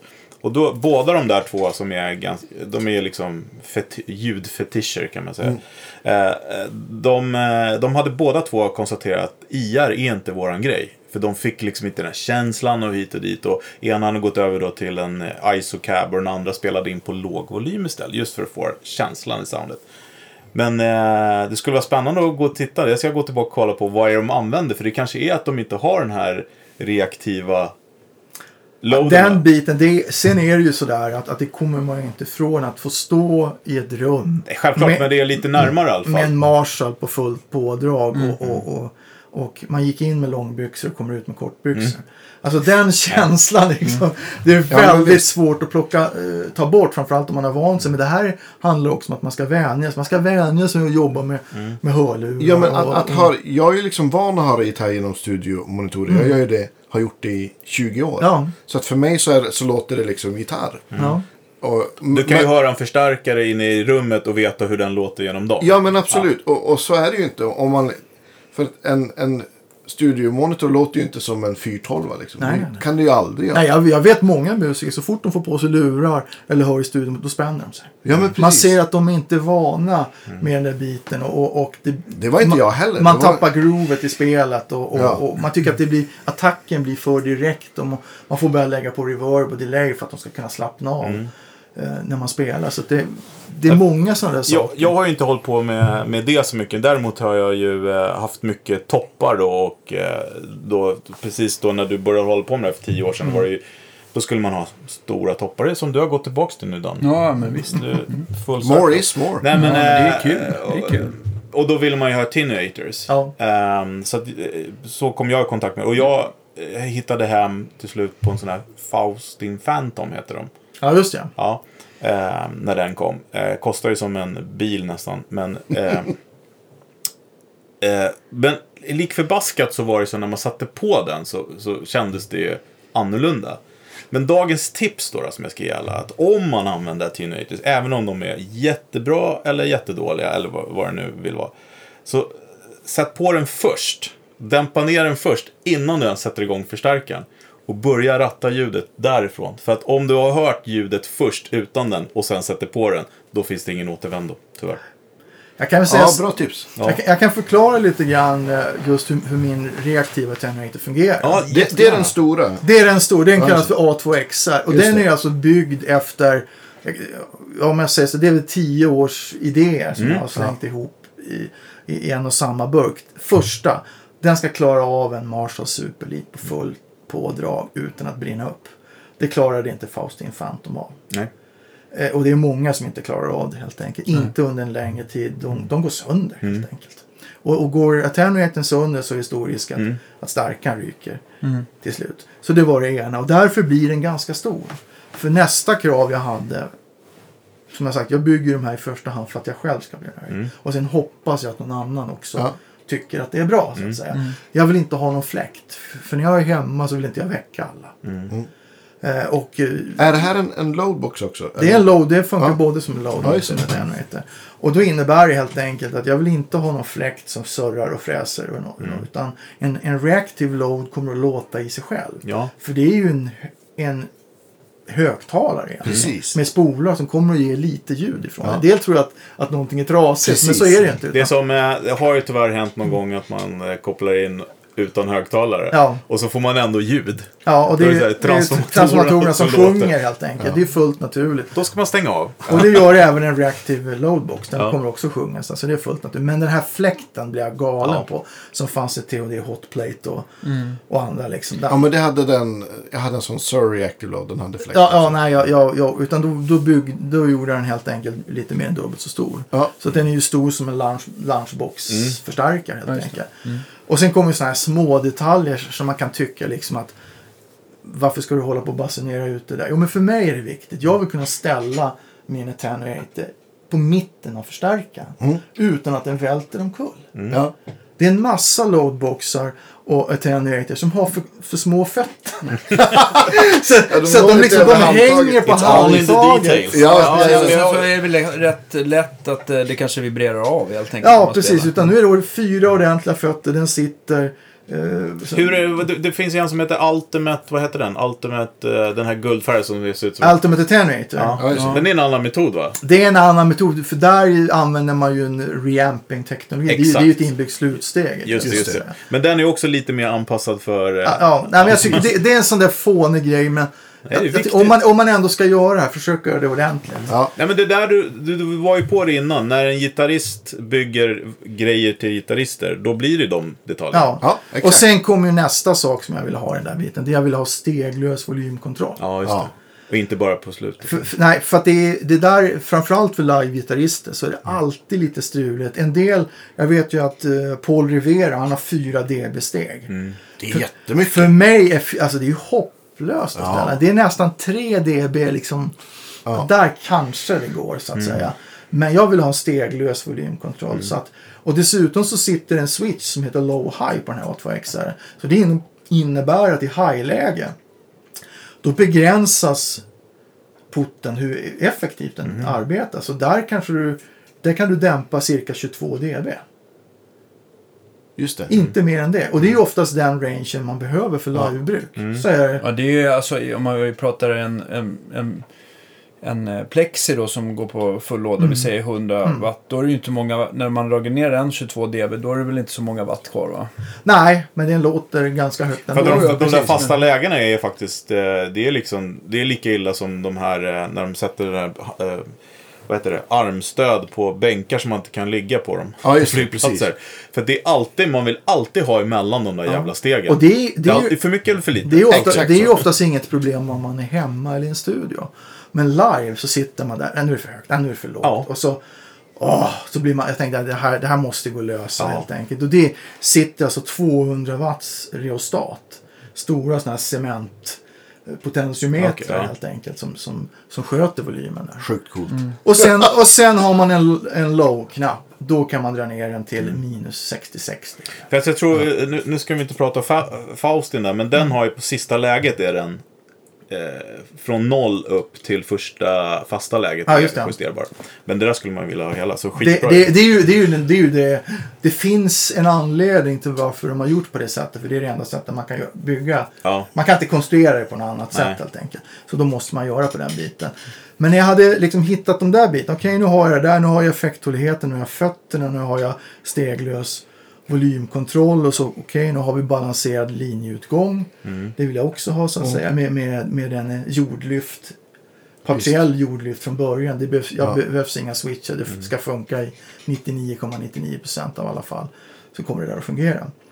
Och sen var ju nästa steg så här. Ja men nu har, då har jag problemet här. Det var faktiskt en, en kund till mig. Som testade den första prototypen och han var inte nöjd. Och jag sa, vad, vad fan menar du? Nej. Nej men då tänkte jag, vad menar du med det? Varför är du inte nöjd? Ja, men då visade det sig att, ja men. Liksom jag jobbar ju med, med 412 Ja. Stängda 412 Impedanskurvan i en stängd 412 ser inte likadan ut som en öppen 112. Nej. Nej. Helt enkelt. Precis, det kommer ju en annan parameter. För då sjunker resonansfrekvensen. ju mer du öppnar upp. För att ett Celestion-element normalt kanske har en resonansfrekvens på 75 Hz. Just det. M- Men en- medan när du sätter in dem i en 412 så är resonansfrekvensen plötsligt 120. Då ökar resonansfrekvensen. Medan en, och, och är man då van med att spela med, med eh, Fender eller med open back så att säga. Då vill man oftast ha en lägre resonanskurva. Och så vill man inte ha lika hög peak. Just det. Så det jag då tänkte på, okej, jag har de flesta av mina kunder och de flesta som har varit intresserade, de, de använder sig av stängda 412. Så det är liksom för majoriteten. Men sen gör jag custombygger dem med en annan frekvens. Ifall man är van med öppna kabinett. Man kan även få, jag har en kille i Storbritannien som har beställt det nu med en switch. Så att han kan Precis. switcha från open till closed. Ja. Smart. Så att han hittar det som passar. För han sa att, han sa att jag, jag jobbar både med, med closed och, och open. Kom, kommer den switchen bli standard på någon modell i Jag framtiden? tror att den kommer, jag tror att det är, en det är så pass många som har varit intresserade av den Precis. funktionen. Att ju... Jag tror att jag kommer lägga in den som standard på A2X nu. Men nästa steg så att säga som kom, och det, och det är ju det här att förstärkare är ju inte konstruerade likadant. Nej. De varierar ju. Och tar man till exempel en, eh, en Vox AC30, fantastisk förstärkare, tror jag de flesta är överens om. Eh, och, och så tar man en, en, en Marshall. Så fungerar ju inte de riktigt likadant. Och det har ju att göra med att, att, att Voxen har ju ingen negativ feedback. Just det. Vilket gör helt enkelt att den blir mycket, mycket mer känslig för impedansvariationerna i, i högtalaren. Och mår sämre av det va? Också. Ja, det kan de väl också. Men det kan... Ja, det, I alla fall om man missmatchar lasten från högtalaren Ja, till ja förstärkaren. men det, det upptäckte jag då när jag kopplade in en AC30 till min favorit Marshall 412. Som jag tänkte, men det här låter ju inte riktigt som jag hade tänkt mig.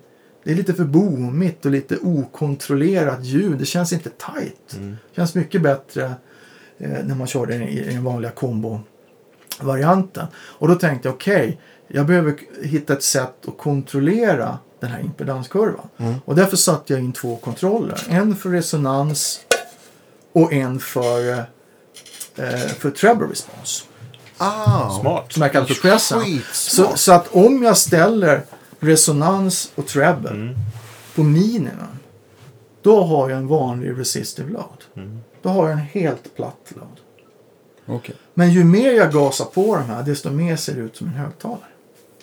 Och då kan jag alltså tycka till exempel att nej, men den här förstärkaren känns inte tillräckligt tight, det känns lite boomigt och jag får inte till det med EQn på stärkan. Och jag vill inte koppla in en EQ-pedal. Då kan jag bara backa ner på resonanskontrollen på det. Och tycker att det är lite för fräsigt och lite för mycket topp, då kan jag backa ner på pressen. Och idag så det finns ingen annan, mig veterligen, som har den, den specifika funktionen. Utan då. de är möjligt att de har en, liksom en, en bright switch eller... Alltså, Ja, de har någon switch i något fast läge som man Ja. aldrig hittar rätt. Nej. Eh, och, och, det, och jag har ju, som de flesta har ju använt, haft flera av de här Webermass. Ja, just det. Är det, eller, det. Det där är väl någon... Eh, den är- Silencer. Det, där är väl, det är väl, han, det är TAD. det är väl Tube, Amp Doctor? Ja, de har väl också någon sån här fast Men jag, tänk, jag tänkte på din den här open och closed då. Mm. Eh, betyder det, om man bortser från hur det känns för gitarristen, Mm. om man spelar in en, en, en, eh, en open back-låda och man kör på closed, får man då eh, responser Högre- av den eh, sluten? Nej, du får responsen av någonting där mittemellan. Ja, det är också ganska coolt. Ja, ja, För- för- Så det- kan man det- liksom simulera med, med en sån då funktion. För det, det, det som händer i attenuatorn det är ju att signalen går in från förstärkaren Mm. in där och sen splittar signalen till den reaktiva loaden och till högtalaren. Ah, okej. Och volymkontrollen ställer då balansen mellan de här. Så på max dämpning då, är, då bryr sig så att säga, systemet inte speciellt mycket om vad högtalaren Nej. tycker. Just det. Utan då är det den reaktiva loaden Ja. som styr. Och på, och på min dämpning då är det i huvudsak högtalaren som, Mm. som, som avgör så att säga. Men det här gör ju att, att när man, då kan man alltså balansera upp de här bitarna. Och problemet då som, som jag hade med den här kunden. Det var ju det att, att när han körde på väldigt mycket dämpning. Då ändrade ju ljudet karaktär. Mm. Då blev det började det ju låta mer och mer som en 412. Ja, exakt. Och det var det han inte ville. Nej. Helt enkelt för att det innebär helt enkelt att, att man måste helt enkelt matcha impedanskurvan Mm. i attenuaten med den högtalaren. Men jag tänkte som ett tone tool så är det ju Ja. skitcoolt. Om Ja, man, om man har en kan- liten deluxe och man vill att den ska låta mer som en 412. Ja. Jag gissar att det är lättare åt det hållet än åt andra va? För Ja, man kan väl 412. säga så här, man kanske inte är van med en Fender-stärkare att man har en resonanspeak på 120 Hz. Nej, Nej. exakt. Och det kommer, den kommer ju att låta, den kommer ju kanske låta mer Marshall om, Ja. om den. Superhäftigt. Och, och, eh, så det är ju en klok idé. Men därför kom de där kontrollerna. Jag ville kun, kunna kontrollera. Jag hade en Vox AC30 och en Vox AC50 som jag inte riktigt fick ordning på Ja. med mina 412. Och därför kom de kontrollerna in. Och det kan jag väl säga, det är ju de i utlandet som har kontaktat mig. Det är just de funktionerna som de har. Mm. Liksom, för det finns ingen annan som har det. Nej. Nej. Nej, det Och- låter ju och- superbra. Otroligt smart. Ja, för, för oss som gillar att finjustera och peta. Och, Ja. och sen kommer ju alltid frågorna av, av de som har köpt den. Nu liksom, vilken grundinställning ska jag ha? Ja, ja. kör du kontrollerna på, på max då är det som min 412. Mm. Kör du kontrollerna på minimum då är det som en vanligt. Och vad har du för element i din 412? Eh, Det är greenbacks. 25 er G12M. Ja, ja. 25 Och det är liksom. Det är ju ett sound som väldigt många gitarrister kan, kan relatera till. Ja. Men jag förstår att man ibland vill ha en openback 410 eller Mm. openback 112. Och, och då finns den här optionen som troligtvis kommer att bli standard. Och då har man den Skitbra. där switchen så, så, kan man, så kan man justera de, de bitarna där. Men det är bara på den stora. Det är bara på den stora. Mm. Det här, Vad, vad är det de här... äh, För jag håller den lite mindre i handen nu. Eller det här... ja, det där, det där är ju en, en prototypmodell som har funktionerna av den stora. Fast den ser inte ut på det viset så att säga. Ja, Okej, men de här kontrollerna på den här. Du har en line-out då. då Ja, Och sen så, sen så är det mängden dämpning. Och så, ja, så har du en volymkontroll då, som, Ja. som kallas för loudness. Och sen så har du en resonanskontroll som justerar impedansen i, i basregistret. Och sen har du en presence-kontroll som justerar Just impedansen i, i diskant. Vilken- Okej, så am, am, amounten är, är... För det står ju amount. Ah, de heter inte ens sådär. Utan, utan Ah, okej. de, de heter på, på den riktiga burken som jag tyvärr inte ha, har någon Okej, okej. att kunna visa upp. Eh, så heter de resonance, loudness och presence. Just det. Precis, och den som jag håller som är då den som heter 8200 eller 8... Det är ju min första just det. terminator. Ja, det är med, Ja, det är sån och som den jag har har. ju line level, attenuate, alltså hur mycket Ja. dämpning och variabel Jag, då. jag ska förklara lite grann Ja. vad som är skillnaden här. För, för det här, när man håller på med såna här saker så blir man ju, så blir man ju aldrig riktigt nöjd. Man Nej. tycker alltid att man kan alltid göra någonting på något annorlunda sätt. Och så tänkte jag liksom så att det är, jag har ändå ganska många som har köpt den där. Min original och har varit ganska nöjda med den. Men det klagomål jag har fått lite, ja den tappar lite diskant. Eh, när, när man dämpar mycket. Och det är helt riktigt. För det som händer, det spelar ingen roll vilken typ av attenuator man har. Ju mer du dä- dämpar, desto mindre interaction har du mellan förstärkaren och högtalaren. Såklart. För du har en attenuate däremellan. Det är ju därför man har en reactive load för att kompensera det där. Ja. För att förstärkaren och ens egna öron vill ju fortfarande se den här impedanskurvan. Men ju Ja, mer... ja, för, för förstärkaren är ju designad också efter den. Ja, så att säga. Men, eh, Rent tekniskt sett så skulle jag säga att det absolut säkraste att köra det är en resistive load. Det är det absolut bästa för förstärkaren. Men det låter ju inte så roligt. Nej. Eh, eh, men det är ju inget problem att, att ha en vanlig kurva för, för en, som en högtalare har. Men steget där, jag tänkte, så är det i vissa situationer när jag vill ha ett lite softare ljud. För att Marshall till exempel, en superlead, den är ju gan- det är mycket attack, det är mycket punch. Men ibland vill jag ha vad jag ska kalla för ett mer fusion-ljud. alltså det, mer- lite softare, lite mjukare men fortfarande med bra häng och sustain. Och då tyckte jag faktiskt att min gamla 8200 lät bättre. Okej. För den lät För att den smoothade av Ja, men den jämnade av det här. Det blev inte riktigt lika mycket här baspuffen och det blev inte lika mycket fräs i diskanten. Det blev ett smoother sound. Men jag tappar fortfarande lite för mycket botten och lite för mycket diskant när jag körde när jag dämpade väldigt mycket. Mm. Och väldigt mycket, hur många dB? Ja, då talar vi om... Jag kände det där redan vid 9 dB eller något Ja. sånt där. Så tyckte jag att det började, kanske redan vid 6 dB så började det kännas. Men när jag kör hemma så kanske jag dämpar mellan kanske 19 dB eller 20 dB hemma för att kunna, kunna använda de här grejerna. Men då, då tänkte jag så här, men det här måste ju kunna gå och hitta ett sätt. Hur ska jag kunna lösa det här? För jag vill inte göra som Ken Fisher gör och få en impedans som som varierar för, för stärkan. Jag vill fortfarande att stärkan ska se korrekt impedans. Den ska se 4, 8 eller 16. Men jag vill öka utgångsimpedansen ifrån. Och hur ska jag hitta en lösning på det? Och då satt jag, då satt jag och tittade på några gamla hifi-broschyrer från 70-talet från en japansk ingenjör som, som gjorde, designade Kenwood hifi-förstärkarna. Och då hade han en hifi-förstärkare som det stod damping control. Ah. Så jag tänkte, men liksom, det där är ju ett koncept som jag borde kunna utnyttja även på gitarr. För det är ju Ja, kanske visst. ännu viktigare här. Ja.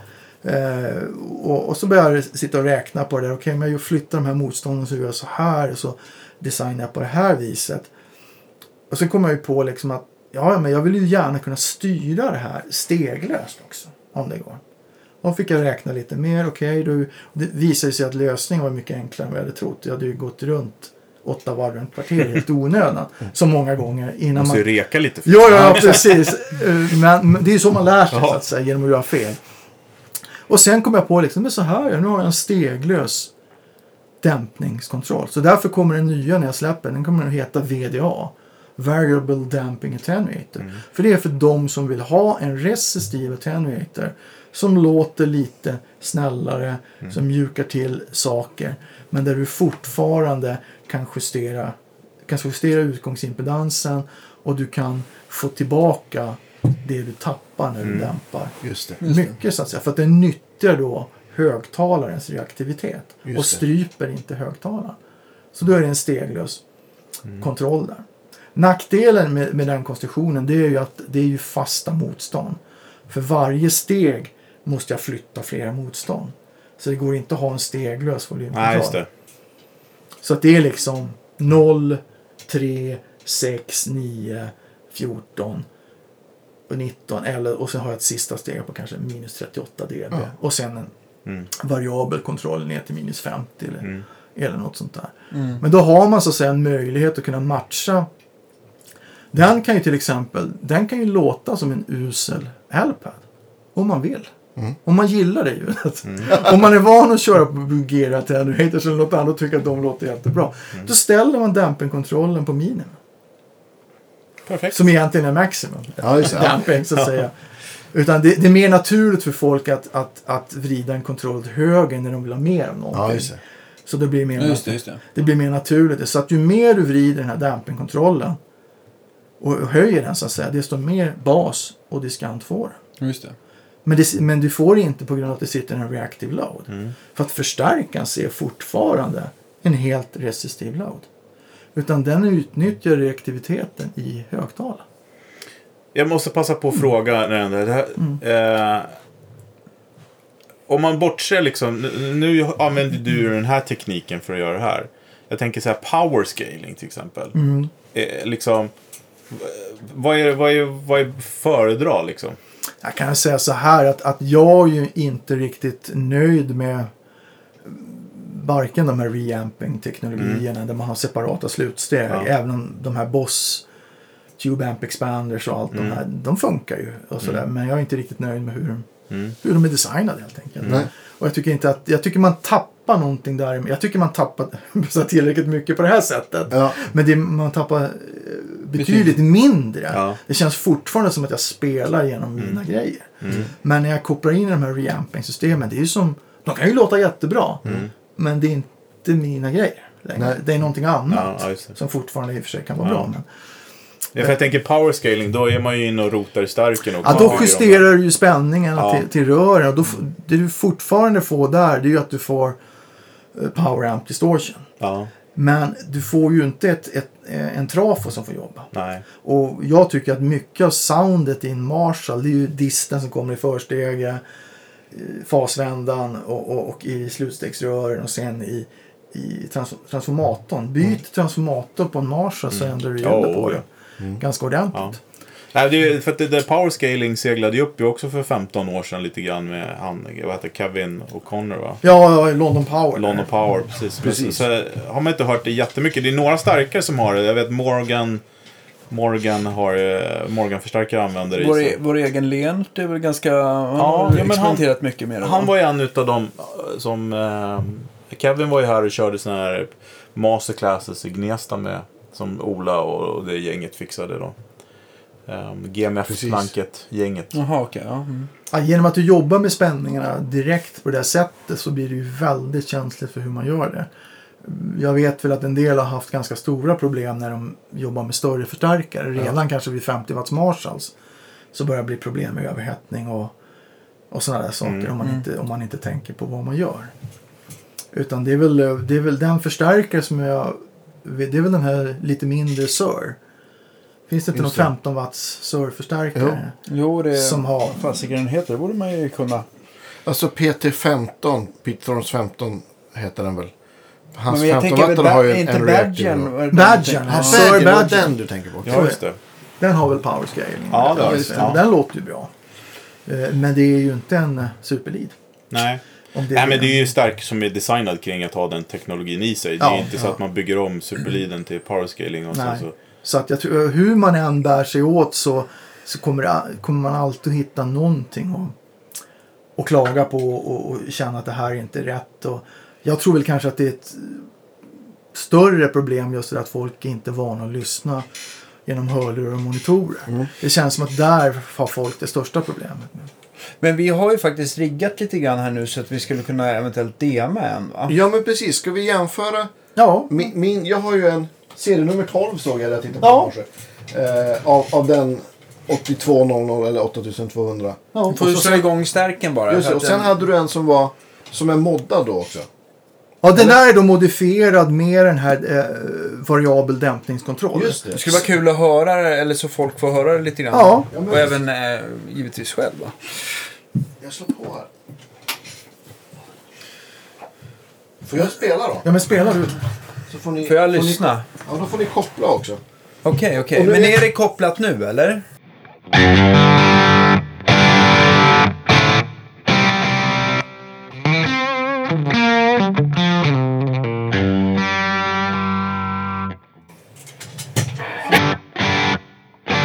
Men, eh, vi kan väl koppla in den. Ja. Så, så, ska vi, så här låter min. Helt enkelt, den har vi hört nu.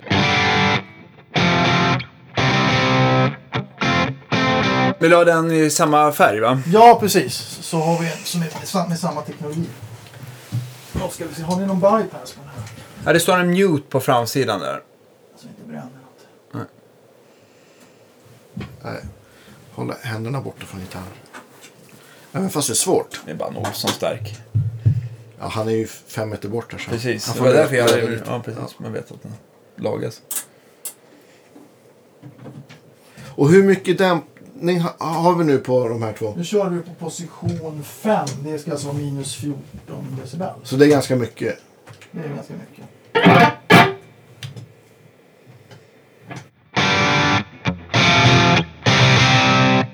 Ja, den är sprillig, det kan jag säga direkt. Ja, det... Så nu, nu kör jag som... Får vi se om vi får bara flytta micken, eh, pratmikrofonen här lite grann. Jaha, så jag. Ja, men jag hjälper dig så att vi... Så, Ja, precis. Kanske jag ska flytta här. Trassla in sig. Hörs jag nu? Ja då. Okej, Ja. Nej, nu, kör jag, nu kör jag dämpningskontrollen då på minimum. Det innebär att, att utgångsimpedansen är tämligen låg. Mm. Vilket kommer innebära en, en planare frekvenskurva. Så att om du slår något ackord där. Och så ökar jag på det här nu. Ja, visst.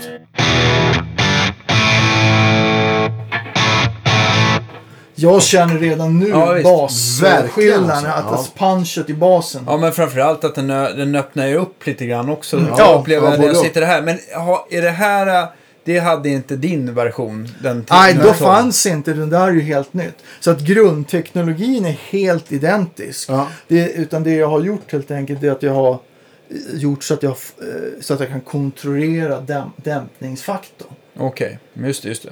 Och då, men den här, eh, om vi säger den här modellen som, eh, vad kan man säga, att den är anpassad för en förstärkare upp till typ en 20-30 watt? Eller? Nej, eh, versionen, den färdiga versionen, den kommer att vara 100 watt. Okej.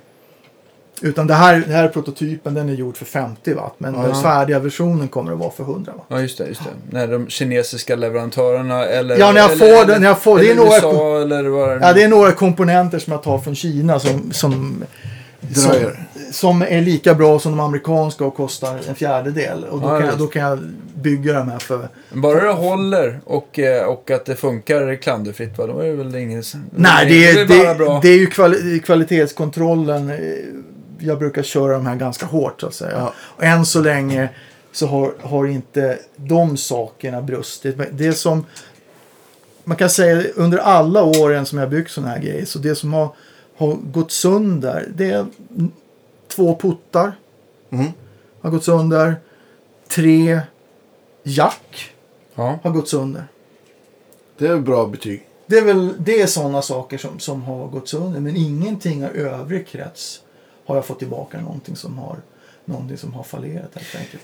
Den här modellen som, eh, som, eh, som eh, inte den, det är inte den här Rolls Royce som Nej, kan nej. allt va? Men vad ligger den här på Den här, kund? den här kommer att kosta 4 000 kronor inklusive moms ut Ja. kund.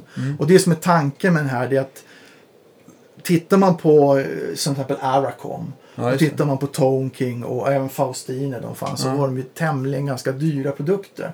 Aracomen tror jag kostar uppåt en 10 000 kronor Ja, just importerar den. Vi har aldrig bra attenuator. Men eh, alltså, jag för mig när Marshall hade powerbreaken, den låg väl på runt två någonting då. Och nu pratar vi nästan 90-tal någonstans va? Och de tjänade inga pengar på den därför la de ner den. Ja. Det var huvudanledningen. Det var inte att folk inte var nöjda med det utan det Nej. var att Marshall eh, insåg att det finns ingen, ingen ekonomi det. Hade inte de någon rackvariant också? Fast den Ja, de kanske har- kunde lite Precis, den kunde lite annat annat. också. SE100. E100 hette den. Ja, det. precis. Det var mer som en loadbox med, Okej, okej. med sådana bitar så att säga. Utan tanken är det här. Sen finns det ju en annan finess att göra på det här sättet som kanske inte är helt obvious. På den här så finns det ingen closed open back switch eller något sånt där. Ja, just det. För det behövs inte. Ah. För att den här anpassar sig efter den högtalaren man har. Ah. Genom att det inte finns några reaktiva element och, och hela, då känner den ju högtalaren. hela designen bygger på att den läser av hur högtalaren fungerar Mm. och jobbar hela tiden gentemot högtalaren. Men den här kan man inte bara ha som loadbox, alltså inte ha alltså, någon högtalarlast i, eller? Ja, det kan du göra men den kommer inte låta Aha. så roligt. För att den utnyttjar ju så att säga reaktiviteten i högtalaren. Så att om du till exempel ska göra en inspelning hemma och du vill få den här färgningen av högtalaren. Då får du köra den på minimum attenuation, det är runt 50 dB. För det måste finnas lite signal hela tiden. Ja. Och det innebär helt enkelt att line out är inte kopplat på ingången som man normalt sett har. Den är kopplad på utgången. Just det, så att den känner också av Så att den känner av så att säga. Så att du får, så du får alltså frekvenskurvan av högtalaren. Eller impedanskurvan. Den, den färgar line-out-ljudet efter högtalarens impedanskurva. Ja, ja, så kopplar du in en annan högtalare. Då kommer den ju färgas av den istället. Och Vilket gör helt enkelt att för vissa förstärkare i vissa situationer så föredrar jag faktiskt hur den här låter. Och i det fallet, eh, jag tyckte det var framförallt med min, min Vox AC30. Mm. Jag tyckte att jag hade lättare att få till ljudet där. Även om jag kan få till det med A2XR. Min Superlead, ja, där gillar jag fortfarande A2, A2XR. Mm. Där kan jag få den att låta lite mer Marshall än vad Marshall egentligen är. Just det. Det går liksom att pusha lite mer. Den, den A2XR, var kommer den hamna någonstans? Den kostar 5 500. Okej, så att det är liksom inte, det är inte så mycket Nej. s- stor skillnad ändå? med, med den här eh, impedansvärden, alltså closed open back, så kommer den kosta 6 000 kronor. Mm. Så jag har precis fått en beställning på, på en sån som, vill, som har custom order helt enkelt. Okej, okej. Eh, Men jag tycker det är en så pass viktig funktion det där att, att det kan vara värt att slänga in de här Ja, men det tycker jag du ska ha. Jag menar, jag tycker Mm. att den kanske kan vara... Den kan vara värt så att den blir ännu... Ja. Alltså, det, alltså att den funkar till mer högtalare. Det här, den, här, eh, den här modellen verkar ju inte vara något problem där. Nej, den, nej, nej, precis. Så att det, nackdelen är ju att den inte, genom att den inte har en reactive load, så måste, ska man ha känslan av en reactive load så måste man alltid ha en högtalare inkopplad. Mm. Ja, det. Men jag tycker ändå att det funkar. Drar jag ner till minus 50 dB, då låter det lite grann som tvn är. Ja. Stå på eller något sånt där. Ja, och, just det, det, just och det funkar ju ändå. Då kan jag ändå stå med hörlurar och ändå få det soundet Ja, just det. Just det. som, jag är ute efter. Då har man ett val där helt enkelt. Och så slipper man liksom fundera på För en del blir när jag förklarar det här som inte har tänkt i de här tankebanorna. Då blir de lite oroliga. Men jag har ju både closed och open back. Vad ska jag göra nu då? Ja, Okej, men då bygger vi in en switch och så, så löser vi de där bitarna. Så ibland, så när man, jag försöker vara så frikostig med information som jag bara kan. Även om det rent företagsmässigt kanske inte är den smartaste strategin av mig. Att ibland tala, påtala de här skillnaderna. Och, Nej, just Fast jag tycker långsiktigt är det väl bra att få en Ja, så nöjd ja. kund som möjligt. Va? Det tror jag absolut. Nej, men jag tror också att det är bättre och, och det är det jag menar. Jag bygger ju de här i första hand för mig. Jönssonligan brukar säga att eh, pengar blir mer pengar om de får umgås med pengar. Och jag säger idéer blir bättre idéer om de får umgås med idéer. Ja, jag tycker, Exakt, jag, bra där. jag tycker också. Jag talar ju inte om exakt hur jag har gjort Nej, men det Nej, föder ju... men, jag, men, jag, men jag förklarar gärna hur det fungerar och, och betingelserna till hur jag kom fram till varför jag ska göra på det här viset. Och jag tror att de... Jag tycker att det här exemplet ändå var ganska tydligt. Ja, verkligen. Väldigt tydligt. Eh, Det var också så att det kändes, det kändes i byxbenen. Ja, jag. Vi kan säkert ta exempel igen för om det är någon som vill eh, spetsa öronen eh, en extra gång här av våra lyssnare. Men jag tänkte på hur, för att komma åt de här, går man in på Masterplant eh, hemsida eller, I- i eller, det- finns det, eller går de att köpa över disk eh, Eh, någonstans? Idag, idag så har jag i huvudsak These Goes to Eleven.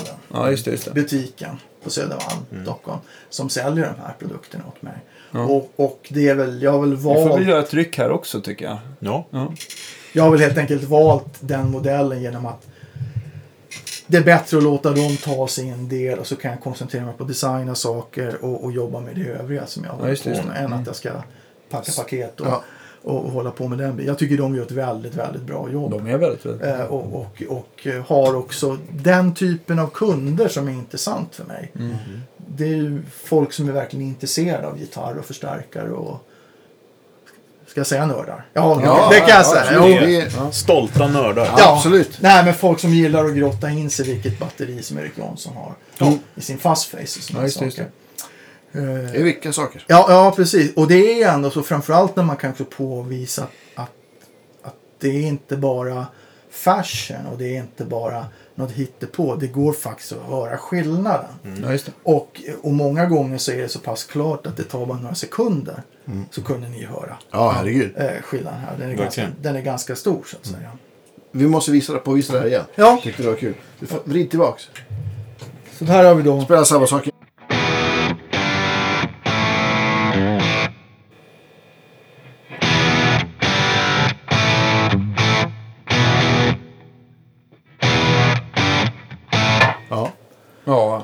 Känns det annorlunda också?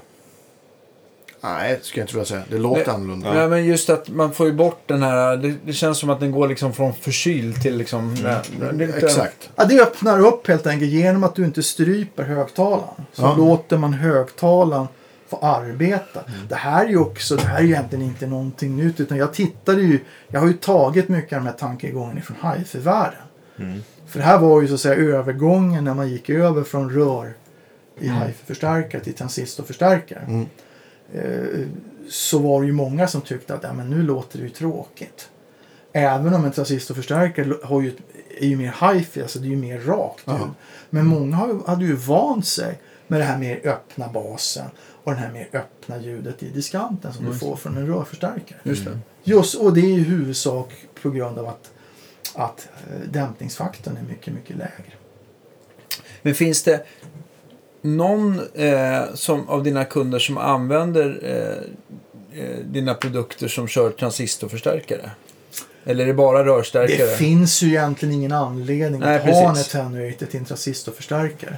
Det, det, de jobbar ju på ett, på ett helt annat... Man, man säger så här, rent tekniskt sett så går det att bygga en transistorförstärkare som reagerar som en väldigt mycket som en rörförstärkare. Jag har aldrig spelat på en sån, men rent teoretiskt sett så går det att göra det.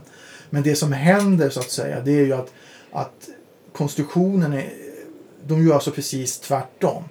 Att om du kopplar in din högtalare i en rörstärkare så kommer power att korrespondera mot impedans. Mm. Alltså ökar impedansen så ökar också powern. Just det. För att de är current drive på, på, på en rörstarkare. Men transistor funkar precis tvärtom. Så att om du har en högtalare med väldigt stort resonanspeak och sånt där. Då kommer så att säga effekten att minska. Just det. För att när impedans, för det är ju där, till exempel en, en, det är därför du ser om du tittar på en transistorstarkare så, så har de ju ratade 25 watt vid 16 ohm. 50 watt vid 8 ohm. 100 watt vid 4 ohm och 200 watt vid 2 ohm. Eller någonting sånt där. Så att effekten ökar ju med, med, med sjunkande impedans. Medan rör är precis tvärtom. Men det här innebär ju att en, en rörförstärkare är ju inte eh, en perfect being så att säga. De är ganska crude devices som jag brukar säga. Och det innebär ju att en rörstarkare kommer ju inte att kunna följa efter den här hela Ja, vägen. det. Men det är också det som gör soundet. För det är ju där du får kompressionen. Mm. Jag kände direkt när du drog till några ackord när jag gasade på här lite grann. Då kände jag liksom hur starkan började komprimera lite Ja, grann. Och så började det flåsa till i byxbenen. Vilket är det man gillar. Ja. I alla fall jag. Ja, ja, absolut. För Jag- rätt är inte alltid rätt. Nej, precis. nej, Fel nej. kan också vara rätt. Ja. Nej, men, nej, men han skulle ju aldrig Marshall bli så stora. För det var ju egentligen dåligt konstruerad bassman. Ja. Eh, om, man, om man ska lite grann hårdra det där helt enkelt. Och underdimensionerade transformatorer och allt med. Ja. Ta en gammal Fender. Alltså, hur har man inte kört i USA under alla år och missmatchat impedans. Och de här gamla Fender-stärkarna håller ju fortfarande. Och de har de ju massakrerat och kört hur som helst. Med gamla Marshall från 60-talet får man vara väldigt försiktig med. Jag köpte en, en eh, 73as eh, Superlead point to point. Ja, just det. Det sista året de Som, hade det. ja, precis. Och eh, i mint condition.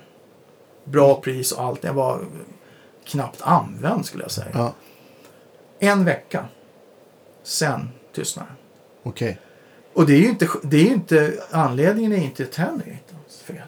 Det är att den här starkaren aldrig körts på full volym Nej. någon gång tidigare. Och det var inte utgångstrafon som drog utan det var power supply. Jaha, och Sen var Nättrafon. för- Nättrafon eh, gav upp. För den har inte matat så där mycket ström sedan 1973. När, de, när, de, när de testade den så att säga. Mm, just knappt, just knappt ens då helt enkelt. Så att det är ju det. Så det är ju inte det är inte attenuaten eller loadboxen i sig själv som, som är problemet. Utan det är att ingen har använt de här starkarna vid den här volymen förut. Mm. Och nu plötsligt så går det att dra allting på full volym.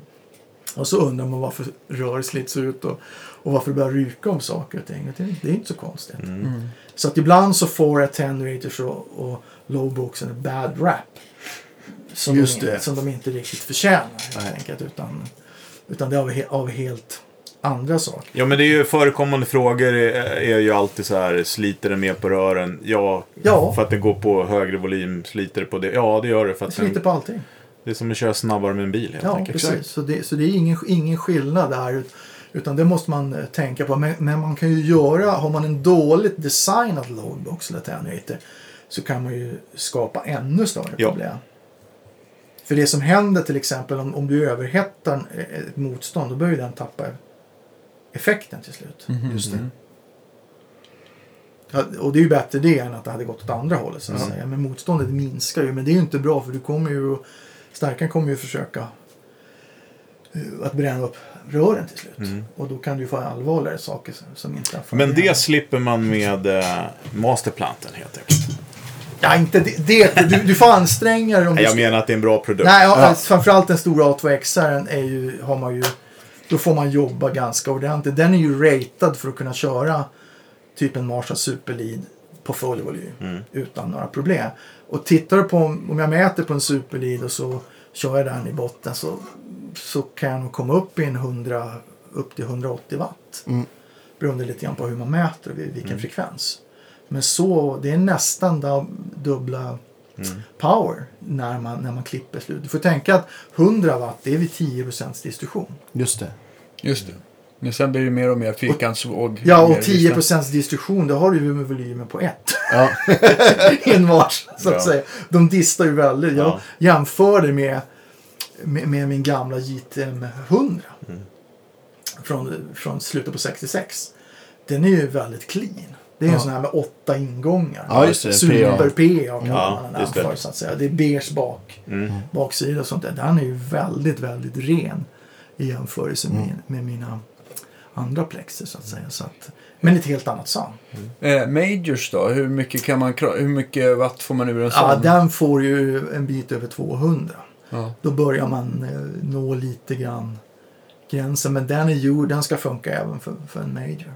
Okej, okej. Det ska, den- det ska, det ska den göra. Så att säga. Ja, Om man bara får ställa en fråga just när det gäller eh, dina gamla Marshalls. Har du hittat någon modell som du liksom, det här är ändå the, the shit eller den hela graalen? Eller är det, är det liksom något rör som du tycker är livsviktigt som du inte kan vara utan? Nej, Eller? jag, skulle, jag skulle nog säga att min, min favorit Marshall det var den här 73ans Mm. Superleader. För att den är lite tajtare i ljudet. De blir ju lite tajtare när du kommer fram i historien så att säga. Ja, just det. Eh, eh, och eh, lite mer gain. Jag vet, jag vet att Yngve gillade framförallt de där 71, 72. 72orna, precis. Eh, Det är, det är faktiskt mina favoriter, 72orna. De är lite hetare. För där blir, där blir det lite mer gain. Ja. Jag tror med- 73 är att de börjar gå tillbaks igen. Ja, det kan vara så. Men jag tyckte 73 ändå var en bra balans i. För jag hade en 72 som jag sålde till en kille. Så sa jag, du vet att den här är liksom. Han bara, "Ah", så skickade han så bara, "Nej, den, den är moddad den här. Det är för mycket dist. Jag bara, nej men det, det, den är inte det. Nej, det nej. Och det var den ju inte heller. Men, men eh, det, de, de är jävligt coola för 72orna just. Ja, precis. Sen kan, Är det, men just angående rörbiten, är ni lika känsliga där? För de är väl ändå, de har inte den mest eh, radikala EQn i alla fall. Utan det blir väl lite, där kan väl rören ändå... det spelar, skillnaden var ju att 60-talsförstärkarna så har man ju oftast mycket högre spänning i. Och där blir det ju känsligare. Det finns ju förstärkarmodeller där det knappt går att hitta rör som man kan köra Ja, just det. med. Bara för att det, de går, det, det blir för hög spänning Ja, för ja rören precis. ska hålla. Liksom. Ja, precis. Så att där har man ju sänkt. Eh, visst, nu är inte jag någon superexpert på de där, de där bitarna. Men jag har ju meckat med mina egna förstärkare och, och sånt där. Och, Ja, Men jag vet ju till exempel i vissa Music Man-kombos går de väl uh, så på 800 volt. ja, ja. Ja, är, Och en del hävdar ju att de kan inte få det ljudet om man inte gör så. Jag är väl inte riktigt helt... Jag anser att det där är ju en kombination av allting. Det är ju kombinationen av hur hela förstärkaren är, just det. är designad och, och där finns det ju många olika viljor och åsikter. Och det är väl därför det finns fler än en tillverkare också. Ja, men visst. Fa- nej, men, eh, om du tar Lee Jackson och Friedman och, och alla de här killarna så har ju de lite olika tänk allihop hur, Mm. hur man ska göra saker och ting. Och det är ju... Det är väl Uppfriskande och bra. Nej, men Ja, det, är väl men det, precis. det är väl det att det finns ju ingenting... Alltså vi talar ju inte om hifi här. Det är ju inte att få ner eh, distorsionen till ett minimum och att signalen ut ska se exakt ut som signalen in. Det är ju inte det man är ute efter. Det är, det är ju någonting helt annat. Jag brukar säga, jag har ju varit involverad i Insulander-förstärkaren liksom Mm. också. Att man, man har en vision och man har en idé om ett, hur någonting ska låta. Och det är det man köper. Det är därför man köper Friedman eller Lee Jackson eller Insulander eller Olsson eller vad det nu är. Eller Marshall. Man köper ju någon, eller kanske Marshall var mindre så här, "Åh, vi har en vision om ett sound. Utan det blev vad det blev. blev och sen är vi sound. fostrade av det. Men, Ja. men de moderna tillverkarna, de, man köper ju deras liksom vision. Helt. Ja, men det är ju fortfarande så att majoriteten av förstärkare idag de är ju baserade på Fender, Ja. Marshall och Vox. Ja, det är lite tweak. det, Och sen är, gör man saker lite annorlunda. Sen kan man väl säga att rent generellt att kvaliteten är bättre idag. Mm. Framförallt bättre än 60-tals Marshalls.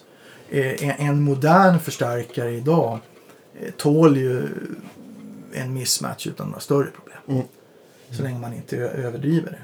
För att trafon är mycket bättre.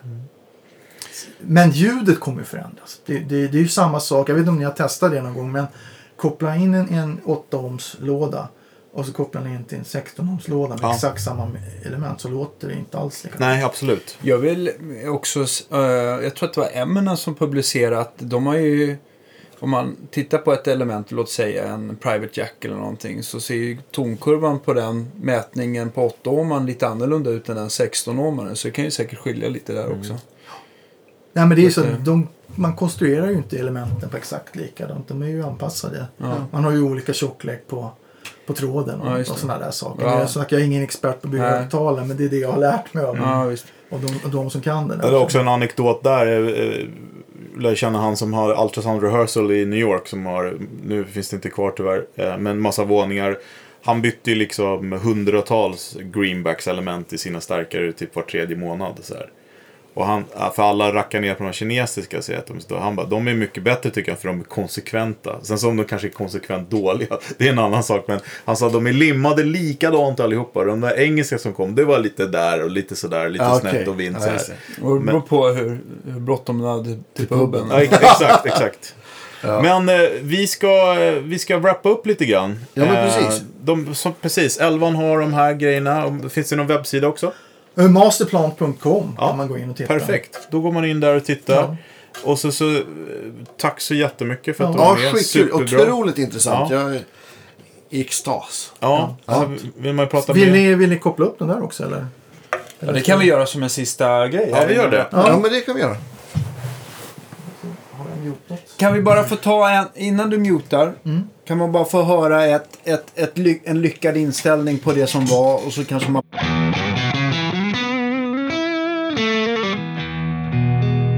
Okej, snabbt.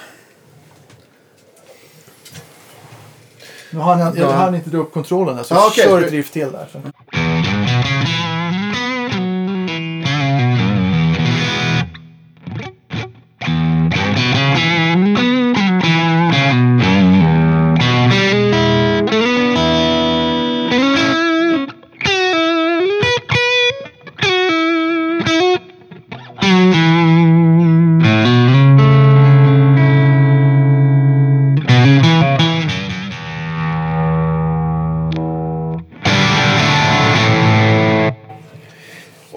Där har du kontrollen i miniläge.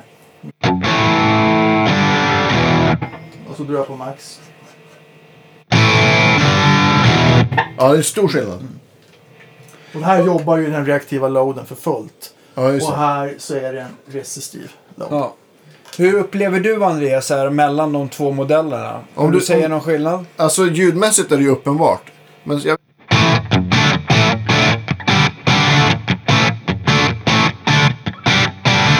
Och så vrid- vrider du om.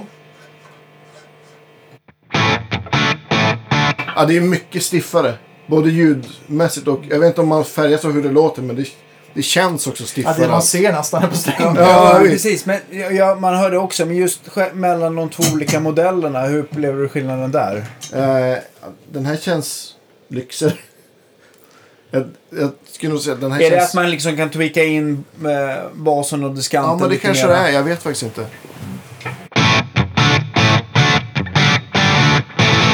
Ja. Ja. Skillnaden är ju till exempel att om du...